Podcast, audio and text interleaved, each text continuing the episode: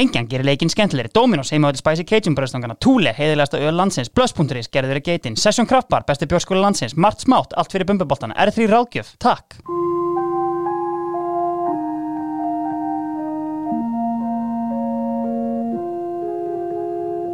Svona var sumarið er fótboltahlaðvarp sem gafar ofan í hvert fótboltasumarið að fætur öðru, eitt í hverjum þætti. Hverjir sigra, hverjir tapa, hverjir hlæja, hverjir gráta en bara einu brim söldu kartmannstári sem rennur niður meittlaðan vanga. Einmitt þannig var sumarið 1996.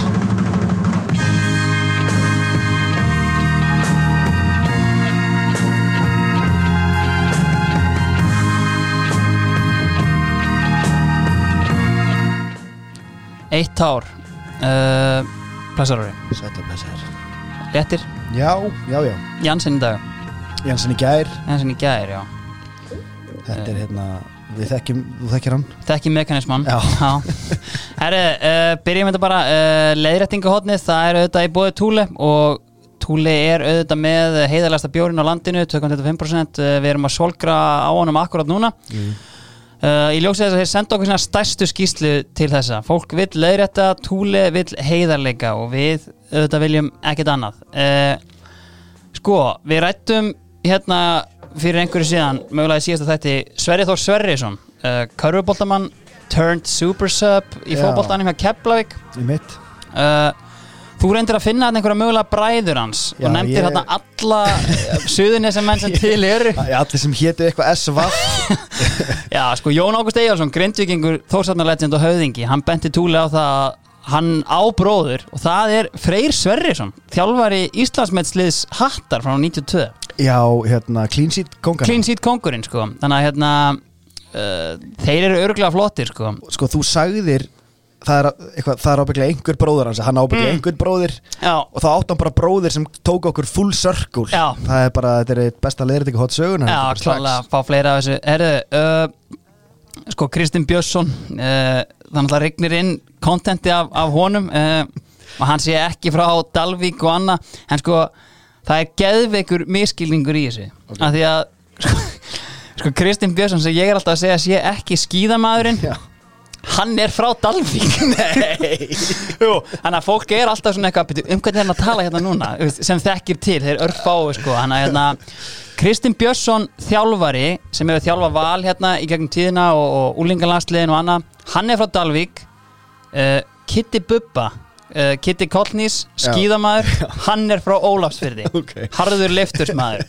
Eitt skipti fyrir öll. Já, Ok. Það eru Sjelborn hérna, sem að Ía mætti, þeir eru á Írlandi, ekki Skotlandi. Uh, ég var hann eitthvað að dandalast með þetta og Já, já, það var eins og það var. já, algjörlega uh, sko síðan fekk ég nefnilega tvær helviti góða sögur. Uh, kongurinn uh, Grímur Gíslason hann hérna, Bugsy Malone. já Ok. hann sendi mér hérna sendi mér helviti góða sögu af sko blikaliðinu 94 eins og við fórum yfir í þeim þætti þá voru þeir í alls konar brasi og hérna og harðir í fallbaráttu og bara þrýr leikir eftir að mótinu þá er bara æfing, allir inn í klefa og stjórnamenninir kom inn bara guys, we're in the gutter. Hérna, við verðum að rífa þetta upp og bara staðan hannig, við erum búin að sapna þetta saman fjársterkir aðalega komnir.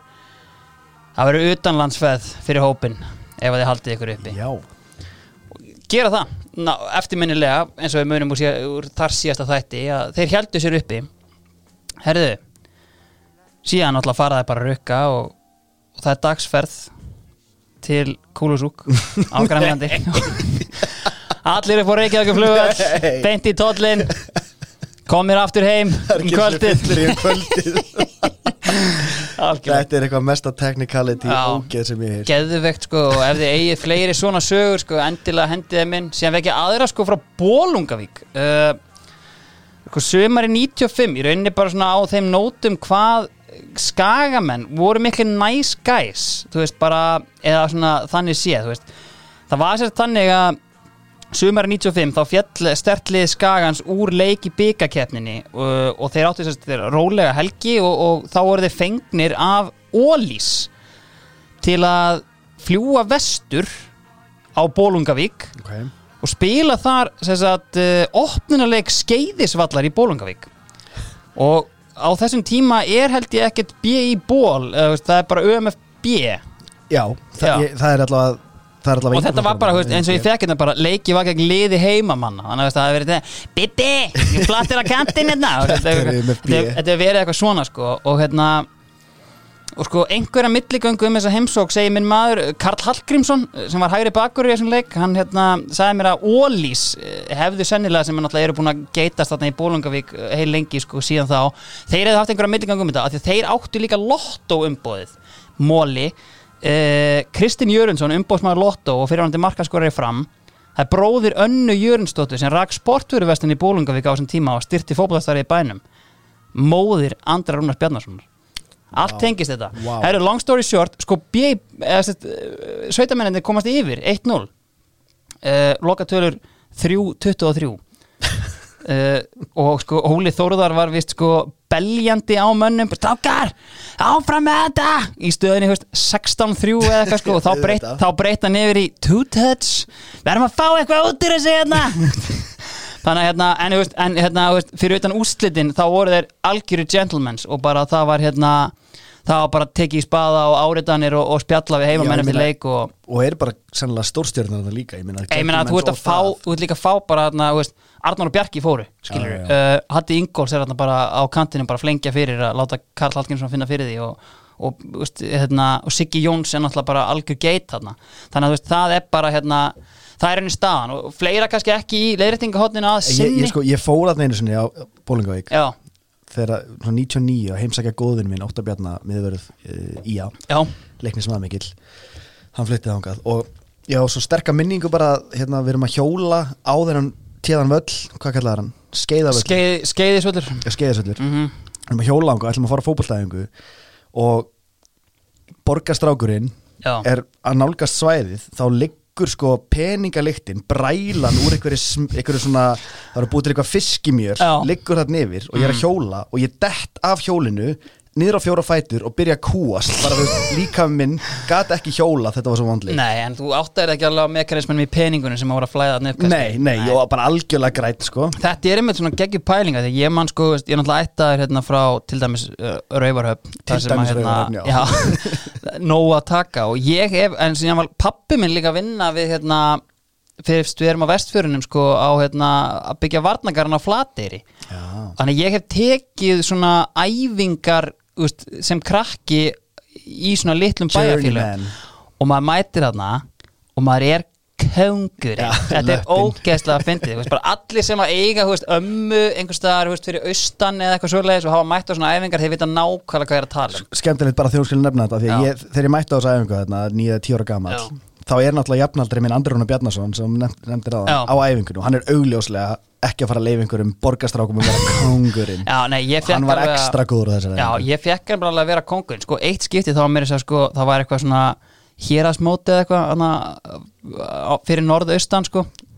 Þau færðu það, því ég var á Flórida viss að ég kemi tveim vikum setna Já. Bara, við fáum jóa í þetta löppina takk. Ég gat ekki neitt kom hann vel þykkur eftir hambúrgarn á Flórida og gríðarlega vombriðar enn verið að tala um þetta. Cartoon Network. Já, allavega hana. Herðu, uh, tíðarandin Ef við vipum okkur inn þar Við erum á árinu 96 uh, Staðan er uh, Hún er nú bara ágætt sko. Uh, Orri við erum kannski svolítið hér.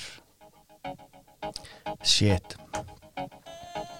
Bayside Boys Remix Magarena þetta er náttúrulega tröllreið landinu.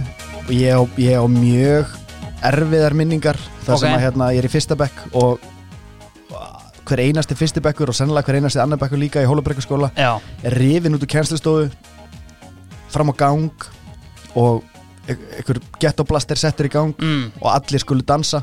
Já, og þetta gerist ítrekkað ég Já. hugsa bara hvers konar, hvers konar ofsi hefur bara já verið byrju að- þannig að það var Þú varst oft dregin út oft, til að já, já, til þess að mastera, til þess að ná þessu á já, endanum. já, já, já. þetta var bara gert til þess að höndla erfið að krakka ég veit ekki hvað þetta er en þetta var allavega þetta hlýtur að hafa verið það mikil hittari að meira að segja kennarar fundu sér knúna til þess að hérna, kenna krökkum minna dans. Ég verð að viðkynna sko að viewsin á YouTube er smá vombrið Ég hef, veist, 25 miljónir veist, Ég hefði sett þetta á miklu meira sko. Já, Allavega, sko uh, Bjeblað pressunar hérna það lagði upp laupana eins og ég kom inn á því síðasta þætti. Um, Okkar helsta gullnáma. Já, ég dó ekki ráðalaus af því ég sá þarna að séð og heyrt það uh, hefur göngu sína þetta ár.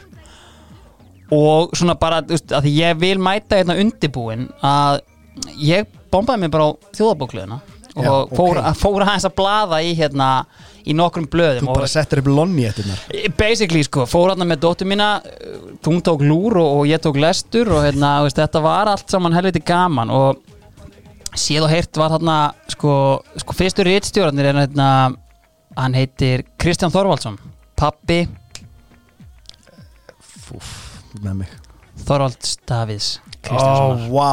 Heldur betur sko, Vá. meirum hann síðar. Uh, sko Þetta Það sem þetta var, sko, þetta er greinilega, sko, að ég man bara eftir sem einhverju svona alvöru, svona paparazzi dæmi, sko, en þarna er þið greinilega, veist, það er einhver stemming þarna, en þeir að reyna að vera eitthvað virðulegir, veist, það er einhver svona, það er einhver standard og það er alltaf dagskráin fyrir mánu, en það komur já. í mánu og það sem að strækaði mig helst, sko, varandi ef við tökum tíðarandan, ef skoðaði dagskrána, ég kafaði það, Fréttatími stöðvar 2 tiltekur að í þættinu 1920 þá eru fyrst fréttir, það er veður, það eru NBA tilþrif, svo eru íþróttafréttir og Já, aðalfréttatími. þau bara taka út fyrir Já, sig þetta er bara sérstatt segment í fréttunum eru NBA tilþrifin. Þannig að veist, Jordan, já hérna hér. Já, þetta er vantilega Ég, sko Körubólta myndirnar og allt þetta dót er svolítið fyrir er, mína ég er tíð, sko. alls ekki þarna. Ég bara, já. En ég, ég átti frænda sem ég leit ógeðslega mikið upp til sem var þremar um eldri og hann Mm. var djúft í körubóltanum þannig ég er svona einhvern veginn þóttist hafa gefið mikið áhuga. Grant Hill var bara eitthvað minn maður og ég hef aldrei séð hann Já, ég, einmitt sko, mí- ein af mínum fyrstu minningum sko er hérna, alls ekki ein af mínum fyrstu en sko ein minning sem ég hef mjög stert er sko að ég flutti hérna úr breiðoltinu nýri hlýðar að hérna og setja upp sjónvarpið frændi minn, rafvirki, auðvitað fengin í verkið og fyrsta sem ég sé byrtast á skjánum er leikur Chicago Bulls og Utah Jazz Já, bara jústitum Já, já, já. uh, sennilega ekki þetta ár en, en 97. já, mögulega og, hérna, og þar sko horfi ég á fyrstu þrjármyndunar, veit ekkert um körubólta en, en þar er bara ein gate fyrir mér og það er postmaðurinn. Karl Malone þannig að hérna Þú, ert ekki, þú ert ekki að fara að fylgja strömmnum nei, nei, nei, nei, það, það er alltaf minn maður í þessu. Það eru nokkar góðar hérna, það sem að síð og heyrt gerði svona sérstaklega gott var sko hérna þeir voru alltaf með stuðlaðar fyrirsagnir. Já, var það að byrja bara strax? Já, það byrjaði er bara strax. við stefna bara, Já, hefur já, við já. stofna blað eitt sem við verðum að gera. Já, Já. tók hérna þrjár góðar lögmaður í leðurgala uh, Robert Átni Downy Reyðarsson Nei, og uh, í leðugala já, me, ekkert, ekkert meina það síðar en Hindsight is 2020 og allt það. Sko, blá edrú með byssu uh, Gilvi Ægjesson tiltekið að hann sé söngvari en líka margvellenaður íþróttamæður í skotfimi. Blá edrú allan tíman síðan fannst mér eitt heldur skemmtilegt sko Grammer Geðillur Grammer, Já, Kelsey Grammer var ósáttur við að konan hans hafi byrst í Playboy. Fraser. Já, já. Þannig að þetta voru svona veist, mínar uppáhalds en það fyrir sem frá hans tíma. Herru, annað sem gerist 96 og er svona kannski mjög mikilvægt fyrir tíðarandan er að Páll Rósinkrans verður Rósinkrans í gospelkór.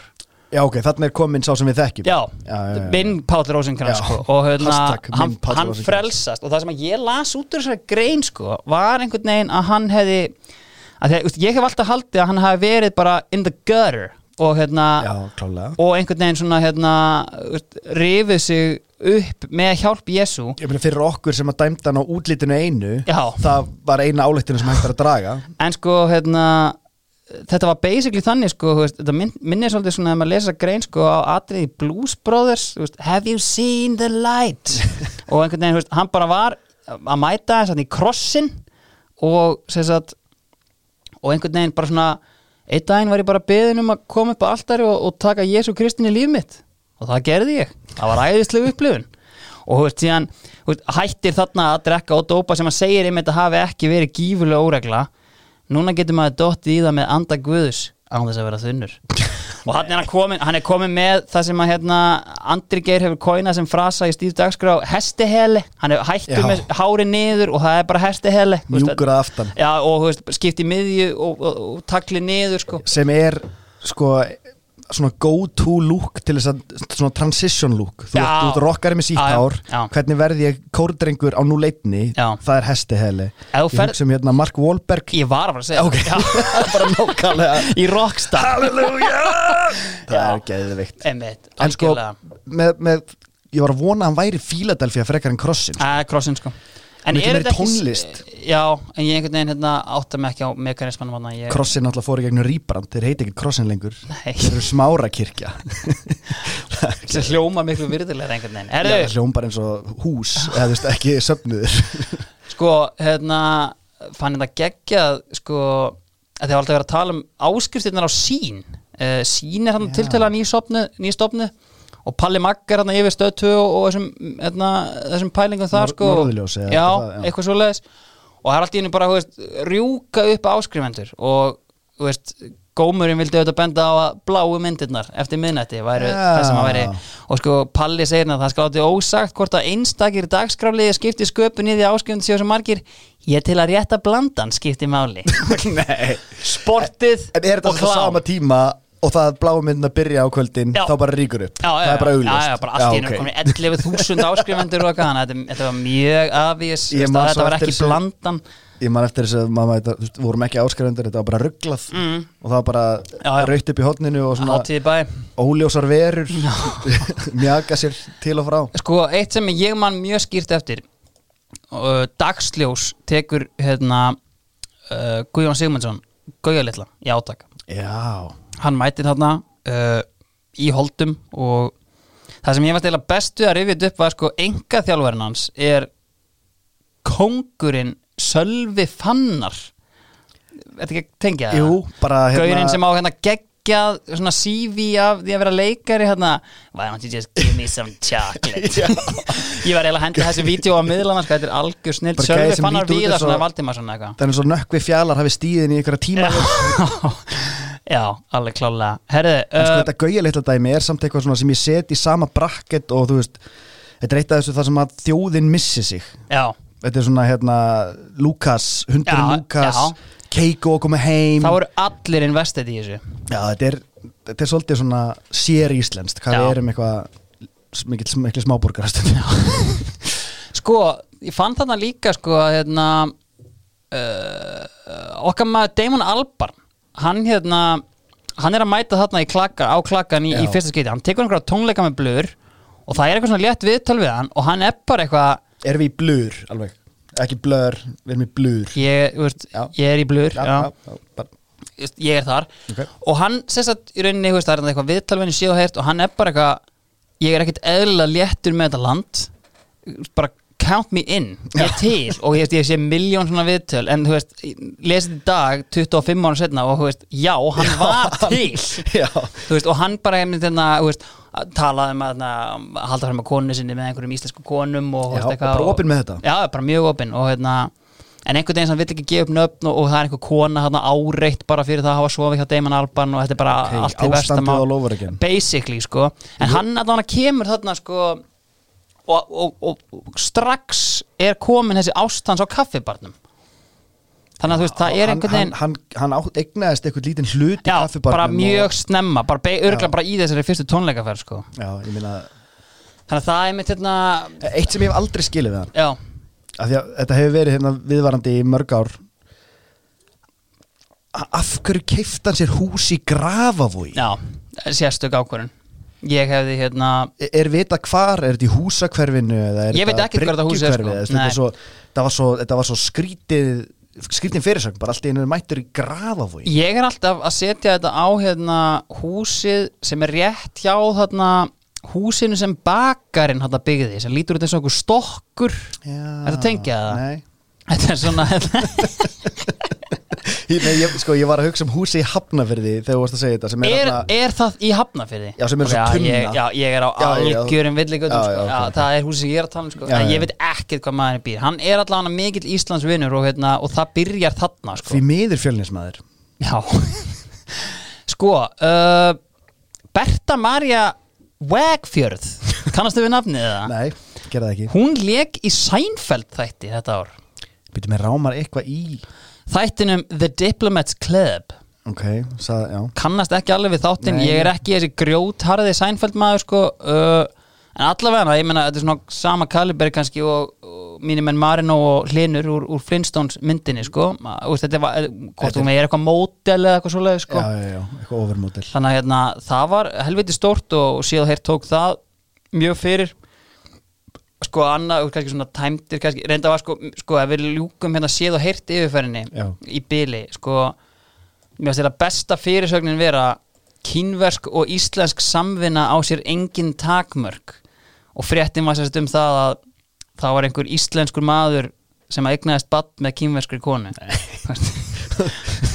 Engin takmörk.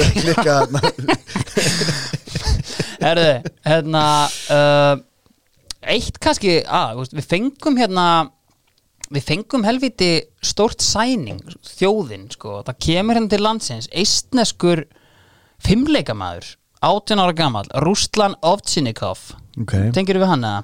ekki nei En ef ég segi við þig Rúnar Alexandersson. Já, kongurinn og hestir Já, það er gæi sem að ég sko, veist, hann var, hann var, hann var pottitt einhver tíman á top 3 íþróttamæður ársins. Og þú séð sko mynda hann er 18 ára, hann er vaksin eins og hestur. Er bara sturdlun sko. þessar axlir og upphandleiki ég væri til í að vita meira hvað er að frétta honum í dag. Veist, ég, veist, hann allt í hennu bara veist, hann, hann var, mér fannst hann aldrei klára einhvern veginn, hann var alltaf að meiðast þetta var svona sorgarsaga sko. Ég, ég, ég ætla ekki að útiloka að við ringjum bara einhvern veginn í Já. hann bara hérna þegar einhverju olimpíuleikar eru í gangi já, eða þegar, þegar hann afrekar eitthvað. Já, síðan voru alltaf olimpíuleikarnir hérna, 96 í Atlanta. Uh, góð stemming þar. Uh, Jón Arnar uh, reið húsum og bara geggjaður og hérna það sem að mér samt, sko, veist, ef við förum út í hérna, aðeins í menningu hérna, Djöblæjan kemur út. Uh, það er eina mínum uppáhaldsmyndum. Uh, ég hef séð hana en, og ég, ég er svona er náttúrulega að verða nákvæmni Einars Kárássonar þannig að veist, ég þarf að fara að brush up á, á þessu þú sko. mætir til Einars Kárasson næst og segir Einar, wipe the windows. Já. check the oil, dollar gas. Já, ok. Þetta er sko mynd sem ég geti kvótað í hérna í allt kvöld sko, en ég ætla kannski að hérna, spera ykkur við en þarna erum við svolítið í tíðarandarum Orri, sko að þú eitthvað meira með menningu og, og listi? Já, ég fór náttúrulega stofana Já, ég kíkti aðeins og hérna sko mín sterkasta minning frá þessu ári er það með það? nei, Já, það já. er sko það er síning í tollhúsinu eða kólaportinu eða hvað vilt kalla þetta. Ok, sem að var risaðlu síning það sem var búið að fá einhverja svona vélvætta já, já, já, já, já, risaðlu þú veist alveg já, já, um. þarna var ég. Já. Geðveikt. Já, og sko ég, ég, ég man ekki neitt eftir neinu nema bara að standa þarna og horfa á einhverja grameðlu já, tæta já, í sig. takk, bara hálsin Já, af, já. hálfur. Já, þetta var geðveikt. Og það var einhver hljóðmynd og, og Já, veist, já. þetta var, var þvílík upplifun. Og ég eiginlega væri mikið til í að það væri einhver svona metnaðafullur risaðalu kallarna úti sem myndi hérna henda í 2021 útgáðan af þessu því að núna er ég með krakka og ég vil að þau Já. verið með podcast eftir 30 ár og það var ein minning ein minning Þetta var algjör geðveiki að því að einhvern veginn, ég hef aldrei einhvern veginn svona, ég hef ekki pælt í þessari sýningu bara basically fyrir núna að því að hún var alveg sturl og bara svona, þú veist, ég til dæmis tengdi ekki hún hefði verið í kólaportinu sko, en veist, þetta var bara svona magnað svið og veist, ég bara get ekki ímyndað mér einhvern veginn að þetta hafi komið út í plús. Með að við hvernig hérna Þetta snerti kvikuna í krökkum greinlega Ég held að Já, sé- það eru 100%. fleiri sem að mun eftir þessu ef þið er góða minningu frá risaðalusýningunni í kólaportinu, endilega heyrið okkur. Ég vil að heyra það. Er þetta með meira að það? Já, já, við fórum alltaf. Ég, ég hef kíkt á Eurovision. Ok, og annað árið í röð. Já Erum við að velja sjálf? erum við að, já, útluta réttinum Ok. til þess að semja Eurovision-lag. Og það er, ég, ég er handvissum að, að tengdapappa augmyndar hefur steinhægt að lítast á blikuna. Það er ekkert faglegt við þetta var að því þarna er það Anna Mjöll sem fær þessu útlutað og hún hafði ekki verið að gera neitt veist, hún er ekki eins og bó árið áður sem er augljóslega eitthvað household nafn og er bara svona, heyrðu, er ekki komið tíma bó? Jú, það er komið tíma bó Já, Anna Mjöll var ekki alveg búin endilega að svona leggja inn getur við sagt. Ok.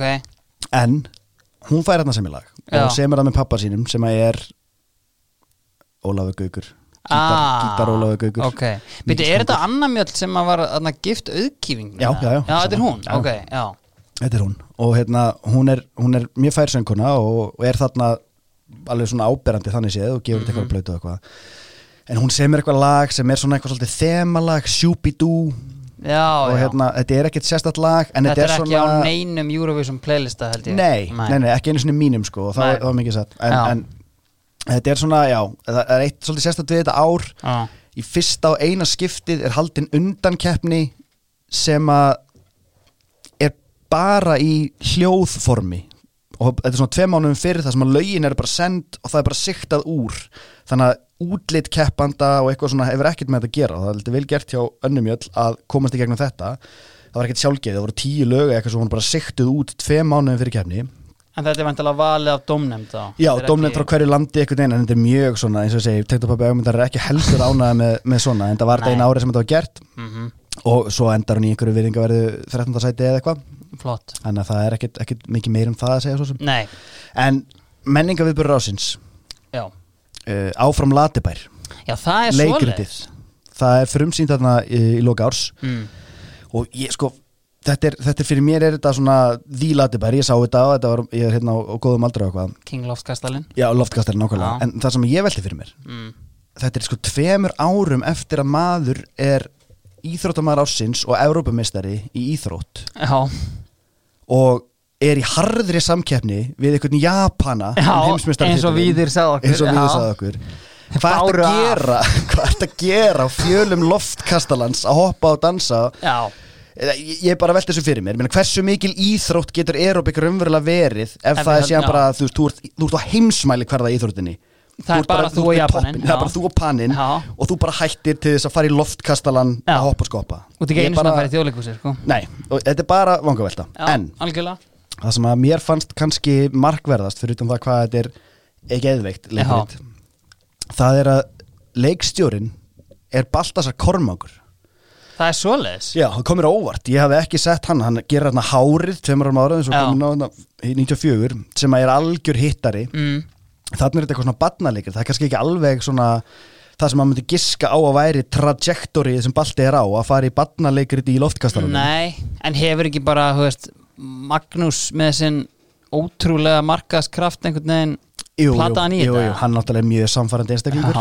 En það eru margir svona körrent og flotti leikar í þessari sýningu. Klárt. Og svo eitt stykki Sigurðan Kjartansson. Já, og það er eitt minn, upp, minn uppáhaldskarakter, Maggi Mjói. 100% og ég velti fyrir mér er þetta fyrsta samstarf Baltasars Kormáks og Sigurðans Kjartanssonar sem að síðan hafa skrifað ófærið og ófærið og köllu og allt þetta dót Mhm. og eru svona teimi svolítið núna í, í hérna ég segi bara Hollywood. En sko þarna ertu. Sigurðan Kjartansson gerðu þið svo vel.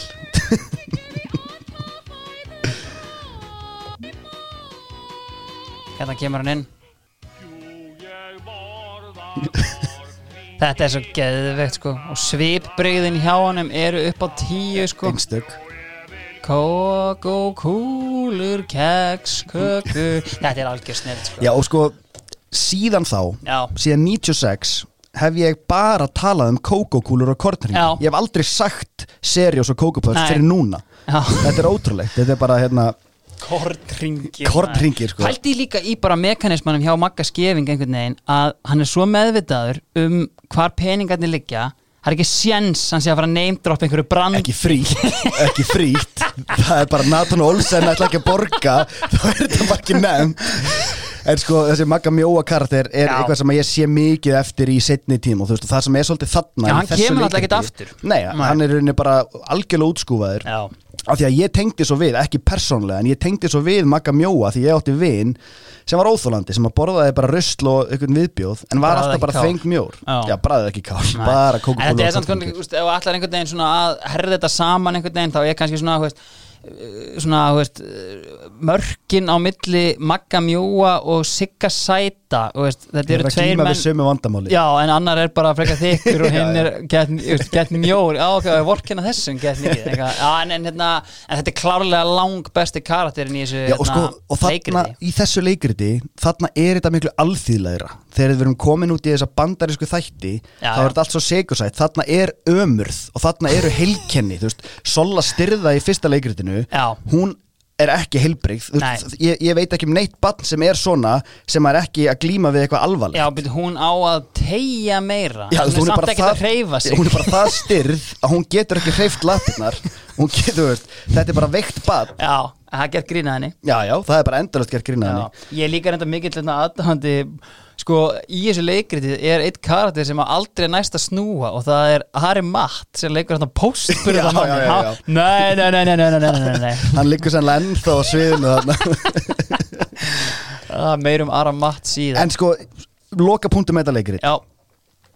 Við endum þetta leikrit á okkur því líku pepplægi Áfram, lati, bær, dún, dún, dún Eitthvað svona. Mm -hmm. Svo í lokin mm ákveðu að breyta nafninu úr latibær yfir í já. leikbær. Ég lagt til að við skýrum þetta leikbæ Já. Já.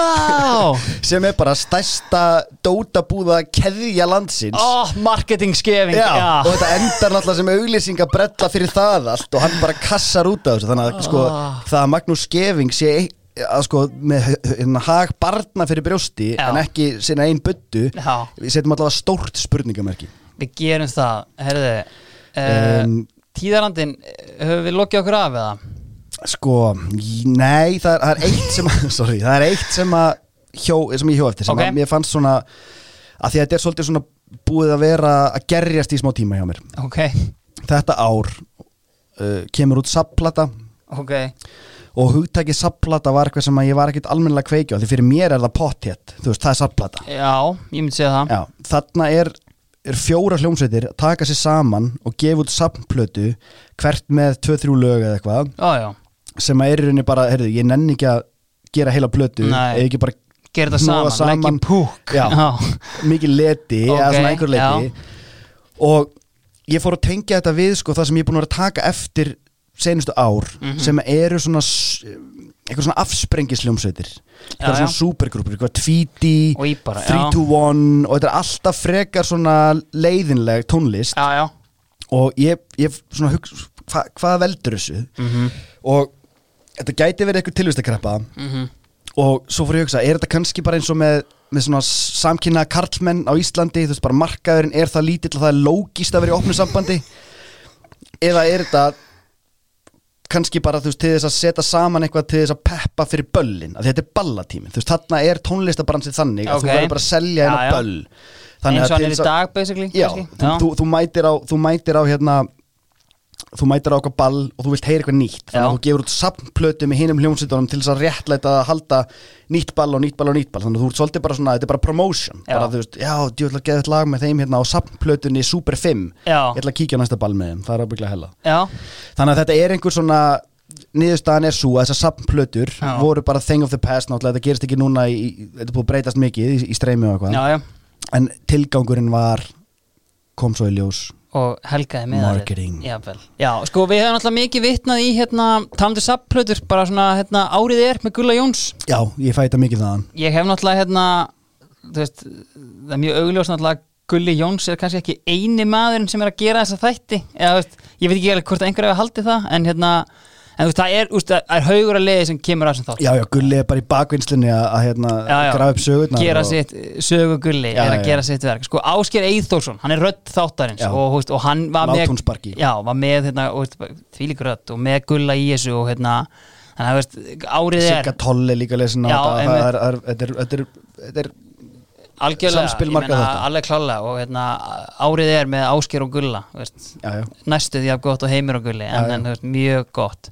Herðu, uh, boltinn eða? Ég hef verið konur í boltan sko, við byrjum bara á uh, prísísoni og félagskiptum uh, ég meina við erum náttúrulega sigla inn í ár uh, skagamenn eru Íslandsmeistarar Káir eru byggameistarar uh, bara úst, sekundu eftir að mótinu er lokið þá fáum við bara Return of the King. Gauði Þórðar er komin aftur upp á skaga. Ok, hann er samningslaus uh, og Skæin er náttúrulega búin að missa Loga Ólafs í landslið já, og bakarinn Berlusconi hann er þetta bara rífur í gekkin Já, já. og sækir gauja. Og það er sko þetta er svona bidding war. KR býður samning sko, þeir vilja halda gauja. Ok gauja bara fær, veist, það er bara bakarinn það er handshake og það er allt klárt. Og, veist, en, en engin særind eitthvað, Bjöggi gamli hérna, landsbóka Bjöggi bara, veist, Óskar hérna, Guðjónu Þóruða allsins besta. Gauji skrifandi fjögur ára samning uh, er mættur aftur. Og það sem við höfum þarna er K.R. Nei, já, K.R. eins og ég var koma inn á sko í einhvern þáttum voru ítrekað að bara ringja í alla leikmenn skagans. Já, já, tóku bara línuna. Tables have turned Gauji fyrir að ringja í K.R. á miljón og reynir bara að sækja alla reynir að fá Gumma Ben Gummi Ben verður áfram í K.R. reynir að fá einhverja fleiri uh, en hún tekst að ná í Steinar Adolfsson uh, sem hann hafði fengið í K.R. frá Val uh, hafði átt frekar slagt tímabil þannig að hann var mikið meittur hann hjá K.R. náði sem það vera byggamestari og hérna og hann tekur hann með sér upp á skaga uh, þannig að þá höfum við þá bræður loksins samina Steinar Adolfs og Óla Adolfs í hafsendinum. Skagamenn í grunninn? Ólasvíkingar. Já, þeir eru einhverjir hérna, held, þeir eru samt, þú veist, eh, ég held að myndi aldrei neita að vera ólasvíkingar en þetta er búið bara upp á skaga í dag. Allan steinar er held ég upp upp á skaga sko og þú veist, geggjaði bræður. Og hérna, en þú veist, skarð fyrir skildi þeir missa Sigga Jóns. Uh, Ok. Siggi Jóns þarna er búin að óna íslensku deildina gjössanlega og hérna og það er bara komið að því að hann fer aftur út sko, ég meina, þú veist, hann er þarna held ég, veist, hann er nefnilega sko lúmst ekki neitt gamall sko, hann er fættur 66, hann er 30 þarna Einmitt. sko, veist, þarna er hann sko Prime. það er búið að afskrifa hann hann er bara hættur, búin að skrifa undir einhvern tryggingabóta samning og bara, veist, þetta er bara búið. Og hann er bara ennþá 30 og Örebró bara tekur í gekkin og, og hann er bara farin til Svíþjóða sko. Ok. Það er svona það helsta uh, reyndar, Gauði tekur einni viðbót með sér Mika, Ok. Neglir í hann boltum Mihailo já, já. Bíbersits fylgir Gauja upp á skaga og það eru allir frekar létti með það einhvern veginn það er, veist, það er engar eitthvað svona deilur þannig sé að ég verð var við þarna í kringum þessi hérna vistaskipti og þess að þryggja aðila og, og allir bara svona frekar léttir. Ef við förum þá yfir í hina aðilana uh, Káar, það eru tveir menn sem komið til greina. Pétur Péturs og Luka Í- í Kostits brúnna. já, í Já, brúnna já. Og Luka Kostits uh, Kostits er þarna staðfestu mjög fljótlega eftir að Gauja fyrir skagan og Kostits er þarna búin að gera freka magnaða hluti með Grindavík. Uh, hjælt þeim uppi, uh, fór í ústættileik byggarsins eftir mörg ævintýri. Og þarna er hann úst, svona kannski Óskar Rapp þess tíma að einhverju leiti hann er svona, þú veist, eins og bara hérna, veist, maður margótt heilt bara, veist, hérna, allir þessi landslýsmenn bara eru, veist, influencer á Íslandi Luka veist, þetta, þetta var bara basically, hérna, ég fekk hann einmitt í draumalið og hann, hérna, og var að bera undir hann skilur að því að, veist hans filosófía er bara, veist, getur þú sendt boltan, já eða nei, Já. og svarið er alltaf hjá honum, nei, Já. þú getur það ekki. Og, veist, og það var svolítið, maður les það eitthvað svona í blöðunum, bara eitthvað, byltingakendar æfingar eitthvað, hann sagði bara, nei, nei, þetta er bara vittlust, ég hef bara látað með spila fótbolta, sko, eins og hann vill að ég já. fótbolta, sko. Hann tekur hann við, Þa, Þannig er hann að fara úr spilandi þjálfara eða ekki? Þannig að þetta er fyrsta svona full time Sko, hvort hann var hann mögulega kom eitthvað aðeins inn jú, jú, hann kom inn á alveg hjá eða ekki? Það var 94 Já, ok, ok. en 95 var hann samt eitthvað aðeins að skipta sér inn á hana, jú, hann skipti sér inn á hana, runnu 3-2 á, Já. og eitthvað, jú, þetta er fyrsta skipti og hann er einmitt spurður að því, sko er Luka Kostas að fara að spila? Glemdi því, þú veist bara eitthvað þessi menn eru miklu betur en ég. Það var eitt sem ég tók eftir sem að hérna formaða Grindavíkur hvort það er ekki pottið Jónas Þórhalds sem er hérna búin að vera hérna í miljón ár hann kallaði Kostits Kóli þegar við kveðjum Kóla með söknuði aldrei heyrt þetta þér en hérna Er þetta eitthvað millinafn? Nikóla, er þetta bara eitthvað ég held að sé bara eitthvað grindvist dæmi Já, já, sko, já. bara eitthvað geggjur stemming í þessu Hann hefur lappað með kókin einu sinni og það er bara kóli. Sko Kostits tekur með sér hérna tvo leikmenn aftur hérna með sér í K.R. það er Þorsteinn Jónsson og Þorsteinn Guðjónsson svo sem ekkert meira en þá að segja uh, veist, uh, einhvern veginn bara hérna þetta var þannig, veist, þetta voru svona einhverjir líkil menn í Grindavík og Kostits ætlaði að vera áfram þarna en síðan segja þeir svona, mm, við erum samlingslausir ég nenni ekki að vera hérna Þannig að og bara eru báðir orðaði við K.R. og Kóli bara, ég fyrir bara líka í K.R. ég er til í þessa gæja Þeir halda eiginlega öllum leikmannhópnum fyrir utan Téða Bíbersits og, og Steinar Adolfs. Nei, nei, heldur alls ekkert öllum leikmannhópnum Daði Dervits, hann fór uh, í leiftur meira en það síðar. Og, og Sali Heimi Porsa, hann fer þarna. Það var smá hávaði kringu það. Veist, Porsa hérna Að spila hérna, veist, hérna stríðspilin einhvern veginn, Mm. Lukas Herbi, hann er svona hérna, en, en ég fekk hérna, eins og, hefur það komið fram? Ég fekk Sali heimi Possa í til. Hann hérna, veist, hann, það var al, algjörlega grafið og, og algjörlega, veist, bara toppmenn og allir léttir. Herðu, uh, Kristof Stoitskov Kristoffer Sigurgjersson hann mæti þarna upp í hérna frostaskjól Ok. uh, er þarna búin að vera eitthvað í Gríklandi að hérna platinu eða? Ég held þetta verða að flokka sem platunumesska sko, Ok, okay, okay. hann kom samt heim á miður tímabilinu í breyðablikarna árinu áður sko, en, en káir taka hann sko.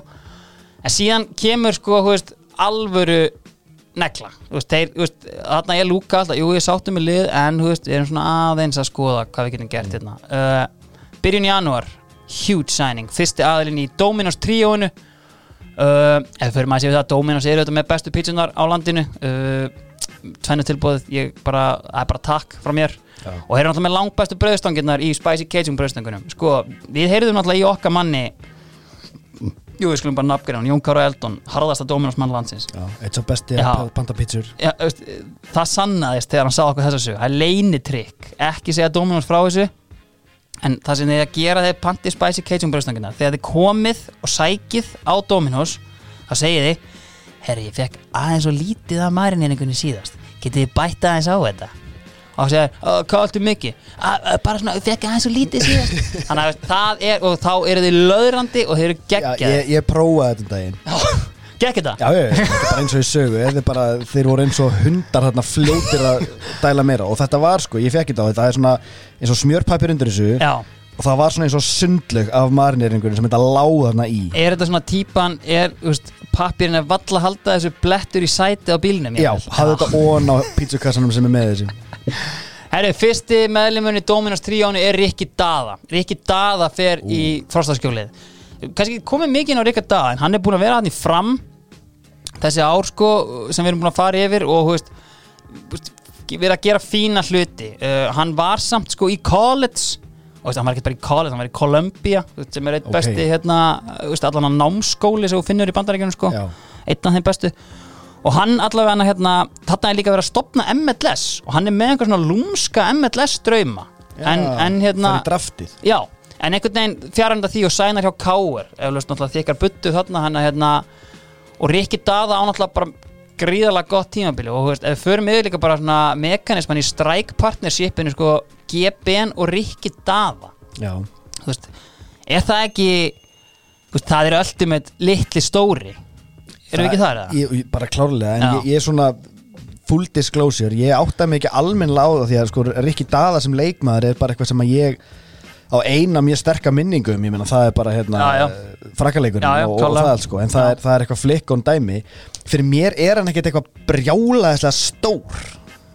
Eða veist ég myndi að hann væri allavega 1.90 Veist, Já, ég, ég, ég kaupi það sko en ég er að hugsa að gæði sem á atinum hann að feril Já. er hann að fara þarna sem 100% big man striker Viki er með hann á þessa- 1.90 Já, það held ég alveg pottjætt eða þú veist, ég meina Er- hann nógu stór til þess að eiga big man þú veist, af því að hann hlýtur að vera lungin skilur, hann hlýtur að vera með eitthvað annað í leiknum sínum til þess að eiga svona feril af því, meina, þú, þú veist, ef þú ert að fara út sem einhver big man, big man á því sko minn ultimate big man er Niall Quinn. Hann er 1.93 þannig að ég Já, þetta er ekki ok. það mikið þetta er bara sko, hvernig þú notar skrokki ég held það sko Já, já. og hérna, það sem ég veist alltaf ég er alveg sammálaði sko, ég er með Rikka bara, þú veist, einhvern veginn veist, það kemst ekkert annað að hjá mér með Rikka heldur en hérna uh, marki á múndi frökkum. Já, það sem ég finnst samt svona, veist geggjað virðingavert einhvern veginn og svona, veist, testament á gæðin er sko að uh, Gummi Ben er náttúrulega sá maður sem er fenginn í hvað flest viðtöl af öllum mönnum sem hafa spilað knattspilnu einhver tíman og hann hefur alveg valið, hann valdi draumalið setja mér, hann hefur gert það á öðrum vikstöðum steady staðfast er hann með upp á topp Rikka Dada sem Já. bara uppáhalds strækpartner þannig að þeir eru því litli stóri á Íslandi. Ég meina, dettur okkur eitthvað annar í hug svona hérna, hérna heima sem eitthvað svona legendary litli stóri, ég meina litli stóri er þekkt í, í hérna ennskudeildinni við getum haldið áfram í allt kvöld að nefna eitthvað það en Já. þú veist, það er hérna Owen Heskey og, og það eru Quinn og Phillips. Quinn og Phillips uh, Defoe og Krauts eru Já. saman í tveim, þreim liðum. Já, uh, á Íslandi ég einhvern veginn hérna Nei. Ég væri til að fá frá hlustendum eða þeir eru með eitthvað legendir í litli stóri Já. kombo. Mögulega sko, og hugsa um litlu veist, hjörtur hjartar geti einhvern veginn uppfyllt þetta með einhverjum stórum Já. með sér, ég man samt ekki til En sko, þess svo, einhvern svo færi okkur bara úr 4-4-2 svona þegar að já, ég er að og fylgast þetta er hvað mest alltaf með og svona. algjörlega dögt í dag myndi ég halda einhvern veginn. Uh, sko já nei, ég er, ég er, endilega Það leiðrætti er okkur með að geta hendið sér bara hlustendur og Já. fært sér bara yfir eitthvað annað. Er loka sæning hjá Káar, þeir voru ekkert búnir. Óli Kristjáns, Já, Le Professeur. Professor hann, hérna, hann sænar frá FH búin að vera náttúrulega faithful FH maður uh, þeir falla náttúrulega hérna 95 Já, og hann þá bara að koma sér í burtu. Og, en það var ekki auðvelt, það var vel deilt þarna um verði, það var Viðar Halldórsson er þarna, hann er þarna. Já, og þeir vildu helviti, úst, það var eitthvað hvort það var sko að koma inn tilbúð við sem bara neitt takk og hækkuðum verðið um 500 skall, Já, enda einhverjum 600k sem að hérna já þeir ætluðu að svíkja stöðlakerfið eða hvað? Eitthvað svo, já, þe já algjörlega. Já, já, já, Já. Þetta- stuðlakerfi var greinlega já, já. þetta var alltaf eitthvað, "Á, þetta er stuðlinn, það er miklu hærra sko, þetta er þú veist, er bara lámarkið sko.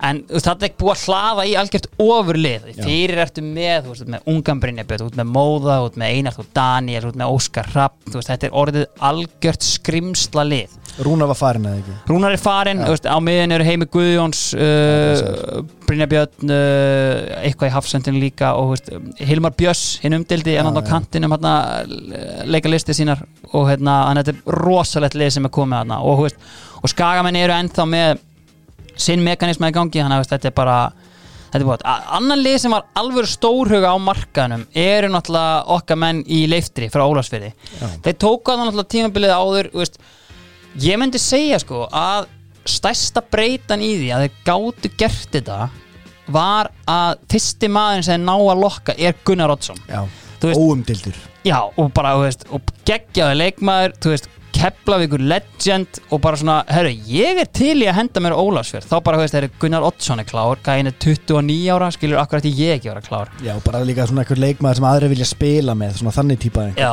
uh, þeir fá til sín frá nýföllnum F-fangum Auðun Helgason uh, framtíða landslismann með meiru þarna ungu, eða svona 22 cirka þeir fá hinn íslenska Pablo Punjet Dada Dervits frá K.R.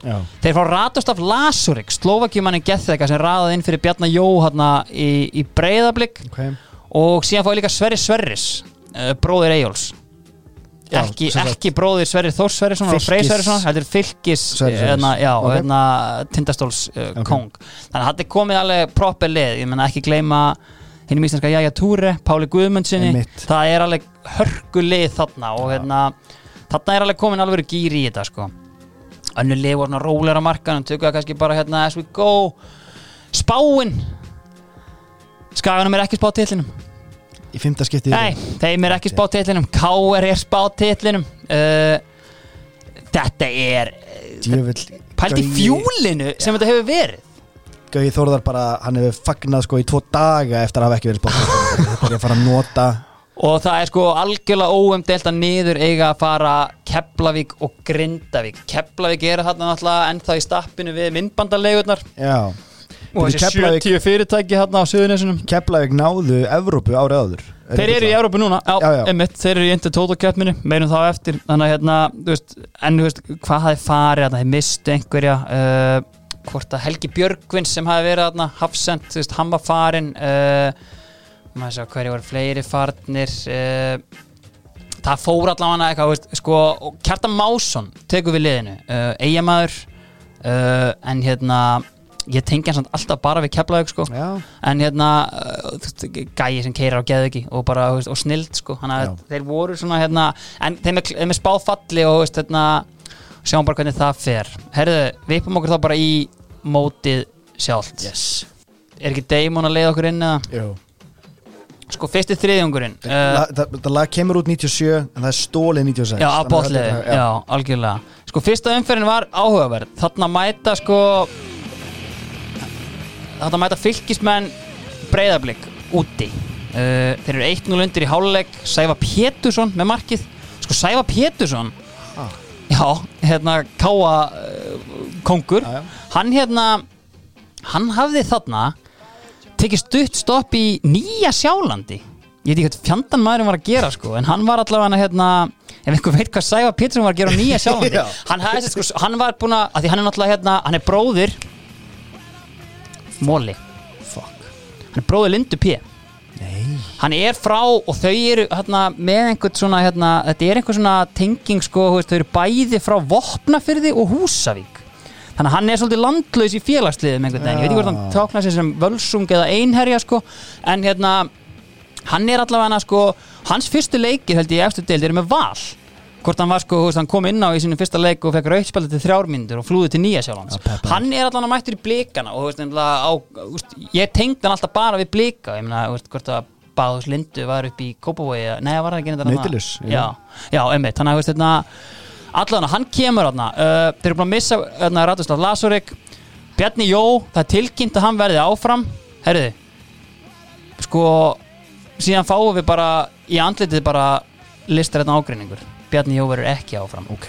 Við liðinu tekur þú senast vorum við með svo ótrúlega heiðarlega yfirlýsingar á senastu leiktið Nei, þetta var ekki tegrætt við þetta. Það var Ok, bara, ok. hérna, veist, það var bara einhvern veginn svona silt á hérna, silt á eitthvað sko. Ég spurði Bjarni úti í þetta og veist, hann var bara, hann var mjög ósáttu við viðskilnaðin og það var eitthvað, veist, hvort hann var búið eitthvað og það sína allt dreigið tilbaka og bara eitthvað svona, að við liðinu tekur mikill meistari uh, Sigurður Halldórsson, Siggi Donna pappi, Þú ert að grilla með hérna. Já, hann er pappi Donna, því Donni. Vídonni, já, já, það er náttúrulega Skagamæður og hérna mikill höfðingi gerði síðan geggjaða hluti með tindastól og hérna og það er alveg sótt í leikmenn og Siggi svona sækir í það sem að hérna hann þekkir, hann tekur Pálma Haralds frá Skaganum sem er bara, þú veist veit ekki alveg hvað Fara að Pálmi sýna minn seinni hlutann.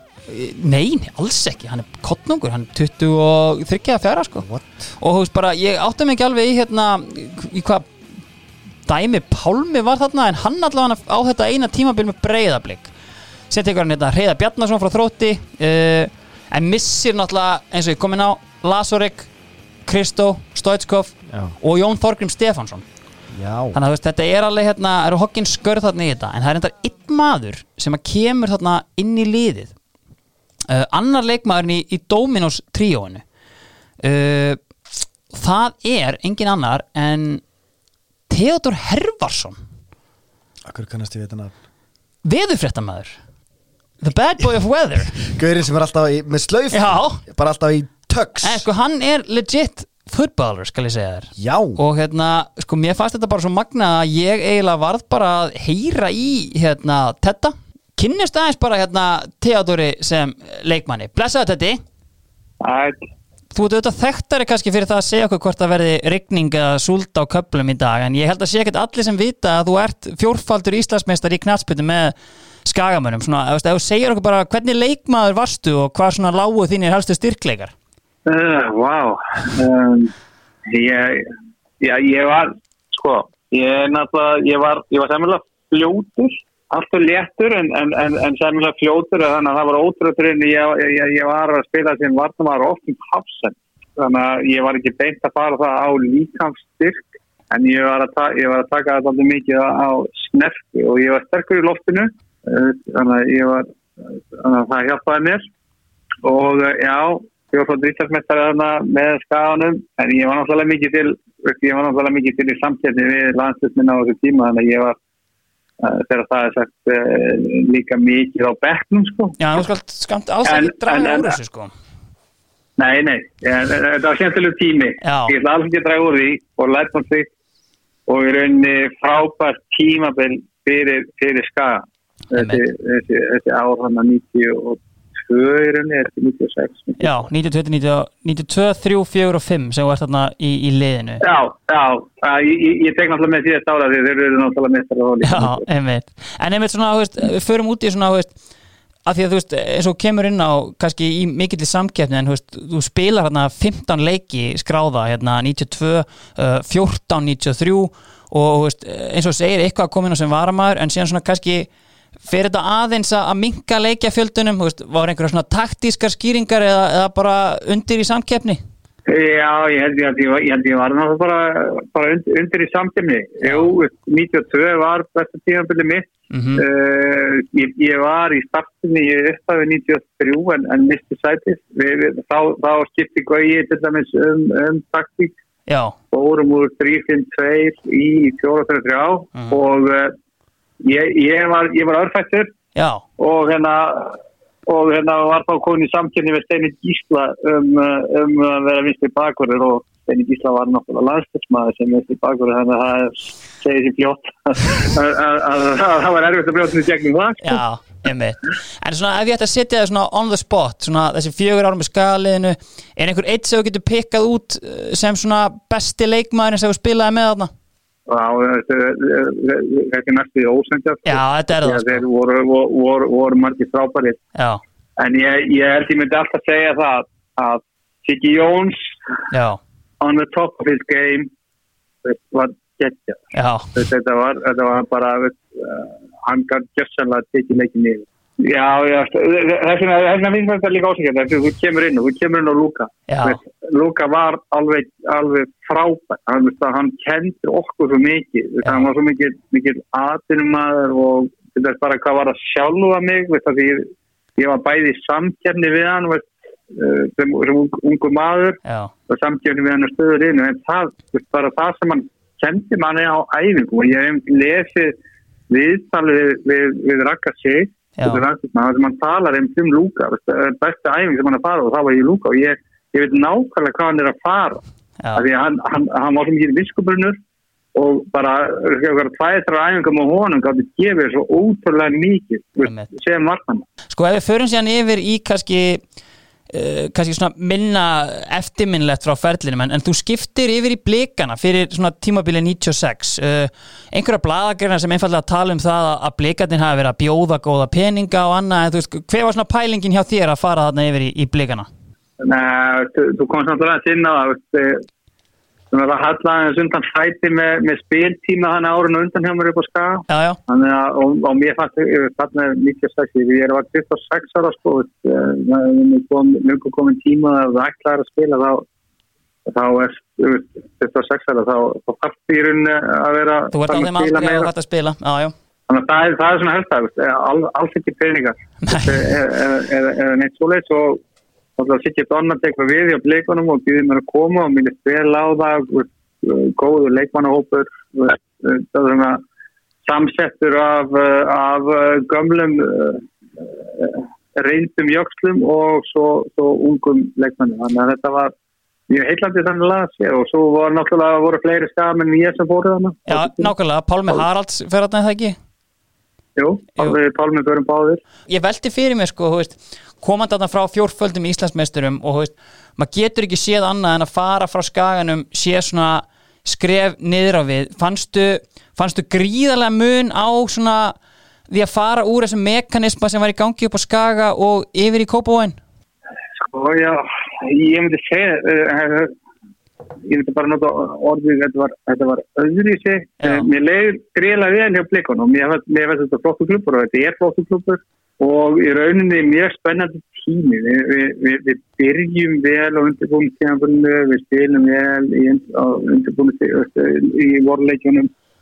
Og deildabikkarinn við fórum allavega í úslit þar og mætum skaganum. Já, í úrstölduleik sem við töpum í, í eh, framleikingu þannig að byrjunin var, var, var, var mjög góð en síðan fór heldur betur að harlunda fæti. Já það er nefnilega að gera það. Og ég meina þið endið á eins og við erum búin að fara hérna yfir í yfirförð okkar á því að falla. Uh, þú veist, ef maður hugsa kannski um hennan leikmannhóp eins og kemur hann sterkur leikmannhópur og þú veist, þannig að við erum með viljum þannig við erum með já. viljum en, og hann erum við Antoni Karl Gregur þetta voru gauðra sem, sem, sem að kunni það sko. Algjörlega. Þetta ár, uh, þetta er annað árið sem að draumalið stilt Devaf er sett á laggirnar og, þú veist, og, og það er náttúrulega hérna flenni stór myndaðir á Devaf sem stiga lægsti leikmaður draumalið stiltarinnar. Var þetta eitthvað sem lagðist á sálina? Eða, nei, nei, nei Nei, alveg.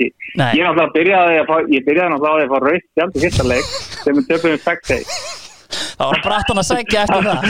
það var brattan að segja og í rauninni þá setti bara þessi fyrsti leik hann setti bara tónu fyrir sumari og þetta leik Hann gerði það, setti tónin fyrir sumarið og hérna, þú veist, eins og spoilaði þarna, þú veist, þessi leikur, það sem að Sæfa Pétursson gaði um von, hann endar 6-1, eða 1-6 fyrir, fyrir fylki og þannig fengur við svona góða inni, þú veist, ég meina blikandi voru þó, veist, það var einhver sigla með þeim, sko og hérna en, veist, voru að reyna en, en þú veist, hérna sjáum bara hvernig það fer, sko. Geggjaðu gæi. Já, veist fjórfaldur Íslandsmeistari, það gleymist næst að þið sjá hann í tugs að flytja viðfréttunar munið þetta, sko menniti sem að pakka þeim saman eru fylgismenn. Þeir eru nýlegar í deildinni. Uh, Magnús Pálsson er að þjálfa lið og þeir fá fyrir tímabilið uh, Enes Kókits sem er svona hérna ekki svona eitthvað neðri legend ég- eitthvað, ég tengin eitthvað við hauka. Já, þetta er alltaf nafn fyrir mér sko.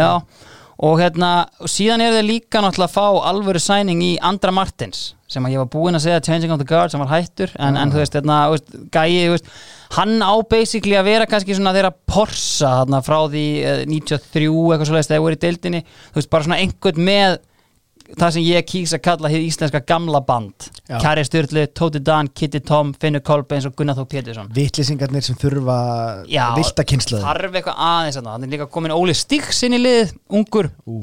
og hérna, aðastett Víglundsson sem setna þjálfaði lið svona létt skagatenging hann ekki ná, að, eða hvort hann er bara skagamæður, en hann er þarna í liðinu og fylgismenn alltaf líta gríðarlega vel út þarna eftir hennan, hennan fyrsta leik uh, sko K.R. fara af stað eins og Eimrið uh, GBN og Rikki byrja hrikalega vel saman framöndu stjórn Lúka uh, en uh, því miður er bara ein stjarnar hann í upphafi móts og það er nýjasti strækjarinn hjá Gauja Þórðar BG4, Bjarni Guðjónsson. Ok, hann er þarna 17 ára. Skaga færibandið. Já, hann er, hérna, hann er 17 ára og það er sko, veist, það er hiti á gauja á spilunum, bara eins og var í stók þú veist, menn skilja þetta ekki, hvað er í gangi hérna? Hvað er þetta að gera með hennan 17 ára pjakk sem lítur út til að vera 14 ára notabenni og, og veist, en hérna hann svara, það er tvö í fyrsta leik þrenna í öðrun leik. Já, ok. 100 á skatt frá lengjunni, takk.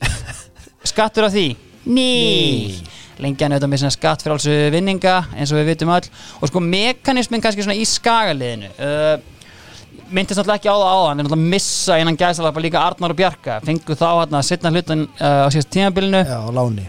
Já, og veist, þetta er bara eins og vanalega. Það er bara að replacea með youth uh, og loksins, loksins, loksins er komið að því Gunnlaugur Jónsson hann fær breykið. mættur. Já, búin að vera þarna í kringum hópin sjá, sko, að því að sko Gulli, sko, allir þessi bestu gaurar hérna, Þórður, uh, Arnar Bjarki uh, hvað það Lárus Orri líka þetta eru 73 módel, Gulli er 74 Þannig að ég sé Gulla sem, þú veist, þetta er veist, proper leader and legend á eldri ári aðeins að ströggla á yngri árinu. Já, já, já, og það er svolítið svona sagan ég meina hann er eiginlega ekkert inn í þessu 93, 94, 95 en kemur þarna með trompi inn og hann kemur inn í vörnina.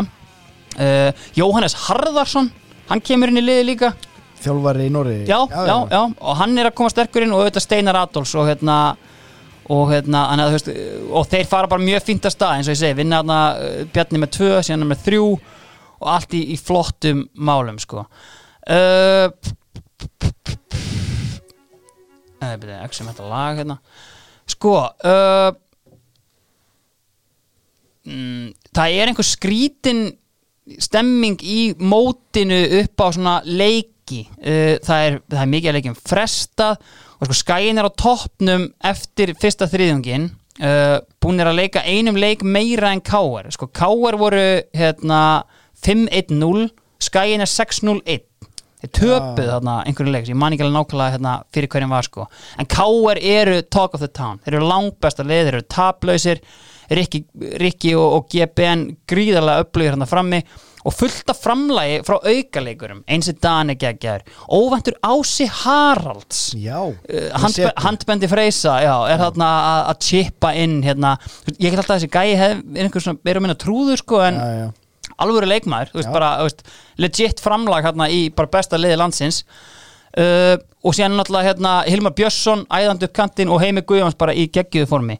Sko eigamenn eru hérna líka að spila ágætlega og miðjumóði voru svo valur og sko óvantir stjörnumenn uh, nýlega í deildinni. Mm. uh, ef við tölum aðeins um þá þeir hefðu komið upp þarna ári á, þetta ár og það var þessi stjörnu kjarni nema ár tveir refir. Bjarni Sig, markmaður. Mm, Valsari. Já, já hann er enda held í skagamæður Nú, ok. Allan að, Vals Legend Já. uh, Leiðrétti þetta bara, ef eitthvað er að Og síðan The Ultimate Changing of the Guards Já. Komin aftur í Last Dance. Guðmundur Steinsson Sko, og Hann hérna getur ekki hætt. Nei, hann getur bara ekki hætt Og hérna, og það sem var sko ólíkt 94 Þar voru framistöður á dettin En engin stig.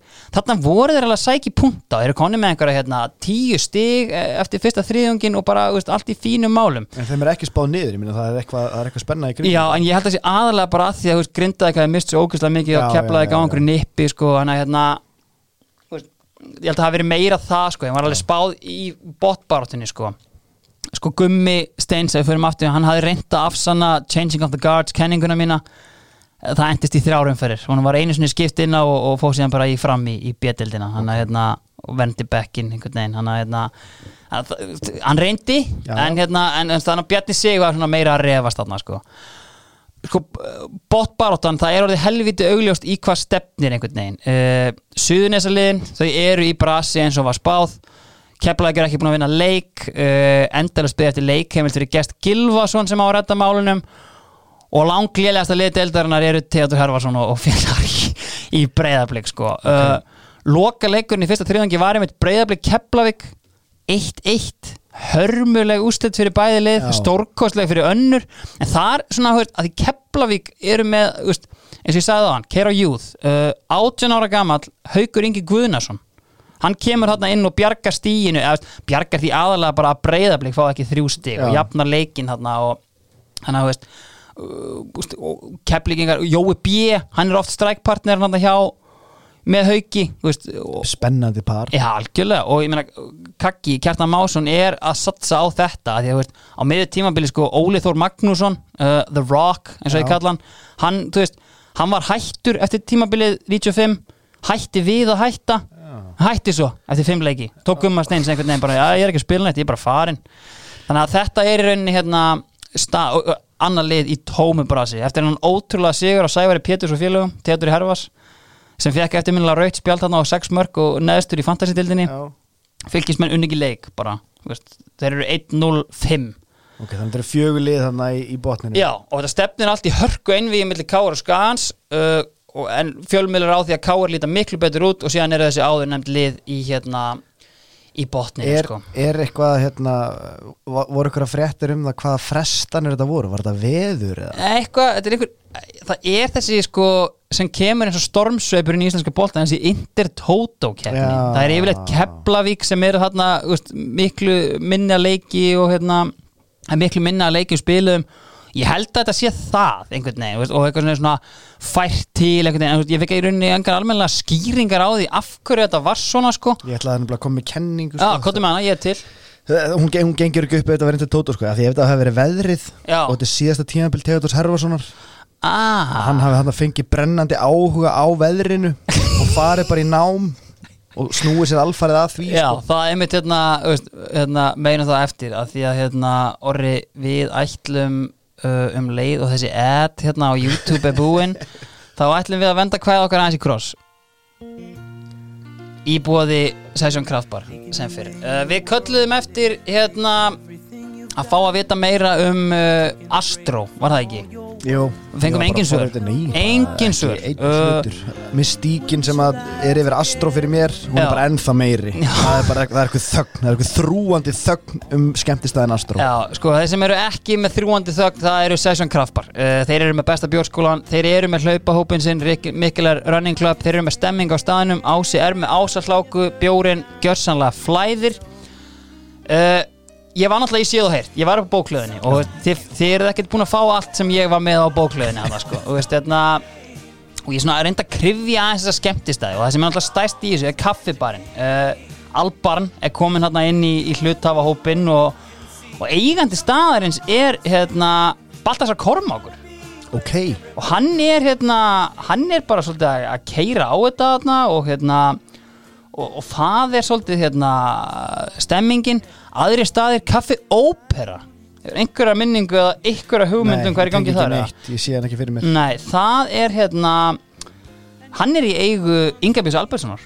Alþykismanns Já, og fyrir um þjálfara allra félaga í deildinni. Hann er sko þvílík játn sem sá maður hefur verið með í eldinu Já, sko. vá. ég átta mér endur ekki alveg á sko, hvað hefur verið í gangi þarna. Uh, en, en, en það er allavega hérna þarna er líka að því að við hérna, Amalú. Já. Amalú var náttúrulega þessi stað. Ég er að leita hérna að skilabóð mér bárust nefnilega skilabóð uh, Amalú átti ekki mjög langan líftíma en átti þó góðan sprett. Staðin var mjög flottur en gluggalaus því hann er hálfpartinn undir kringlunni og er í dag að hluta til lager fyrir NTC búðunar Er hann bara upp í kringlu? Já, og þetta er sko eitthvað, að þetta var panta borð þar sem að, hérna, þar sem þú, sem pantaði borð og þú borðaðir a dinner and a ball þú borðaðir og beint á danskólið eins og ég skil þetta Sko, er þetta ekki svona, neina þess að lækka í, Já.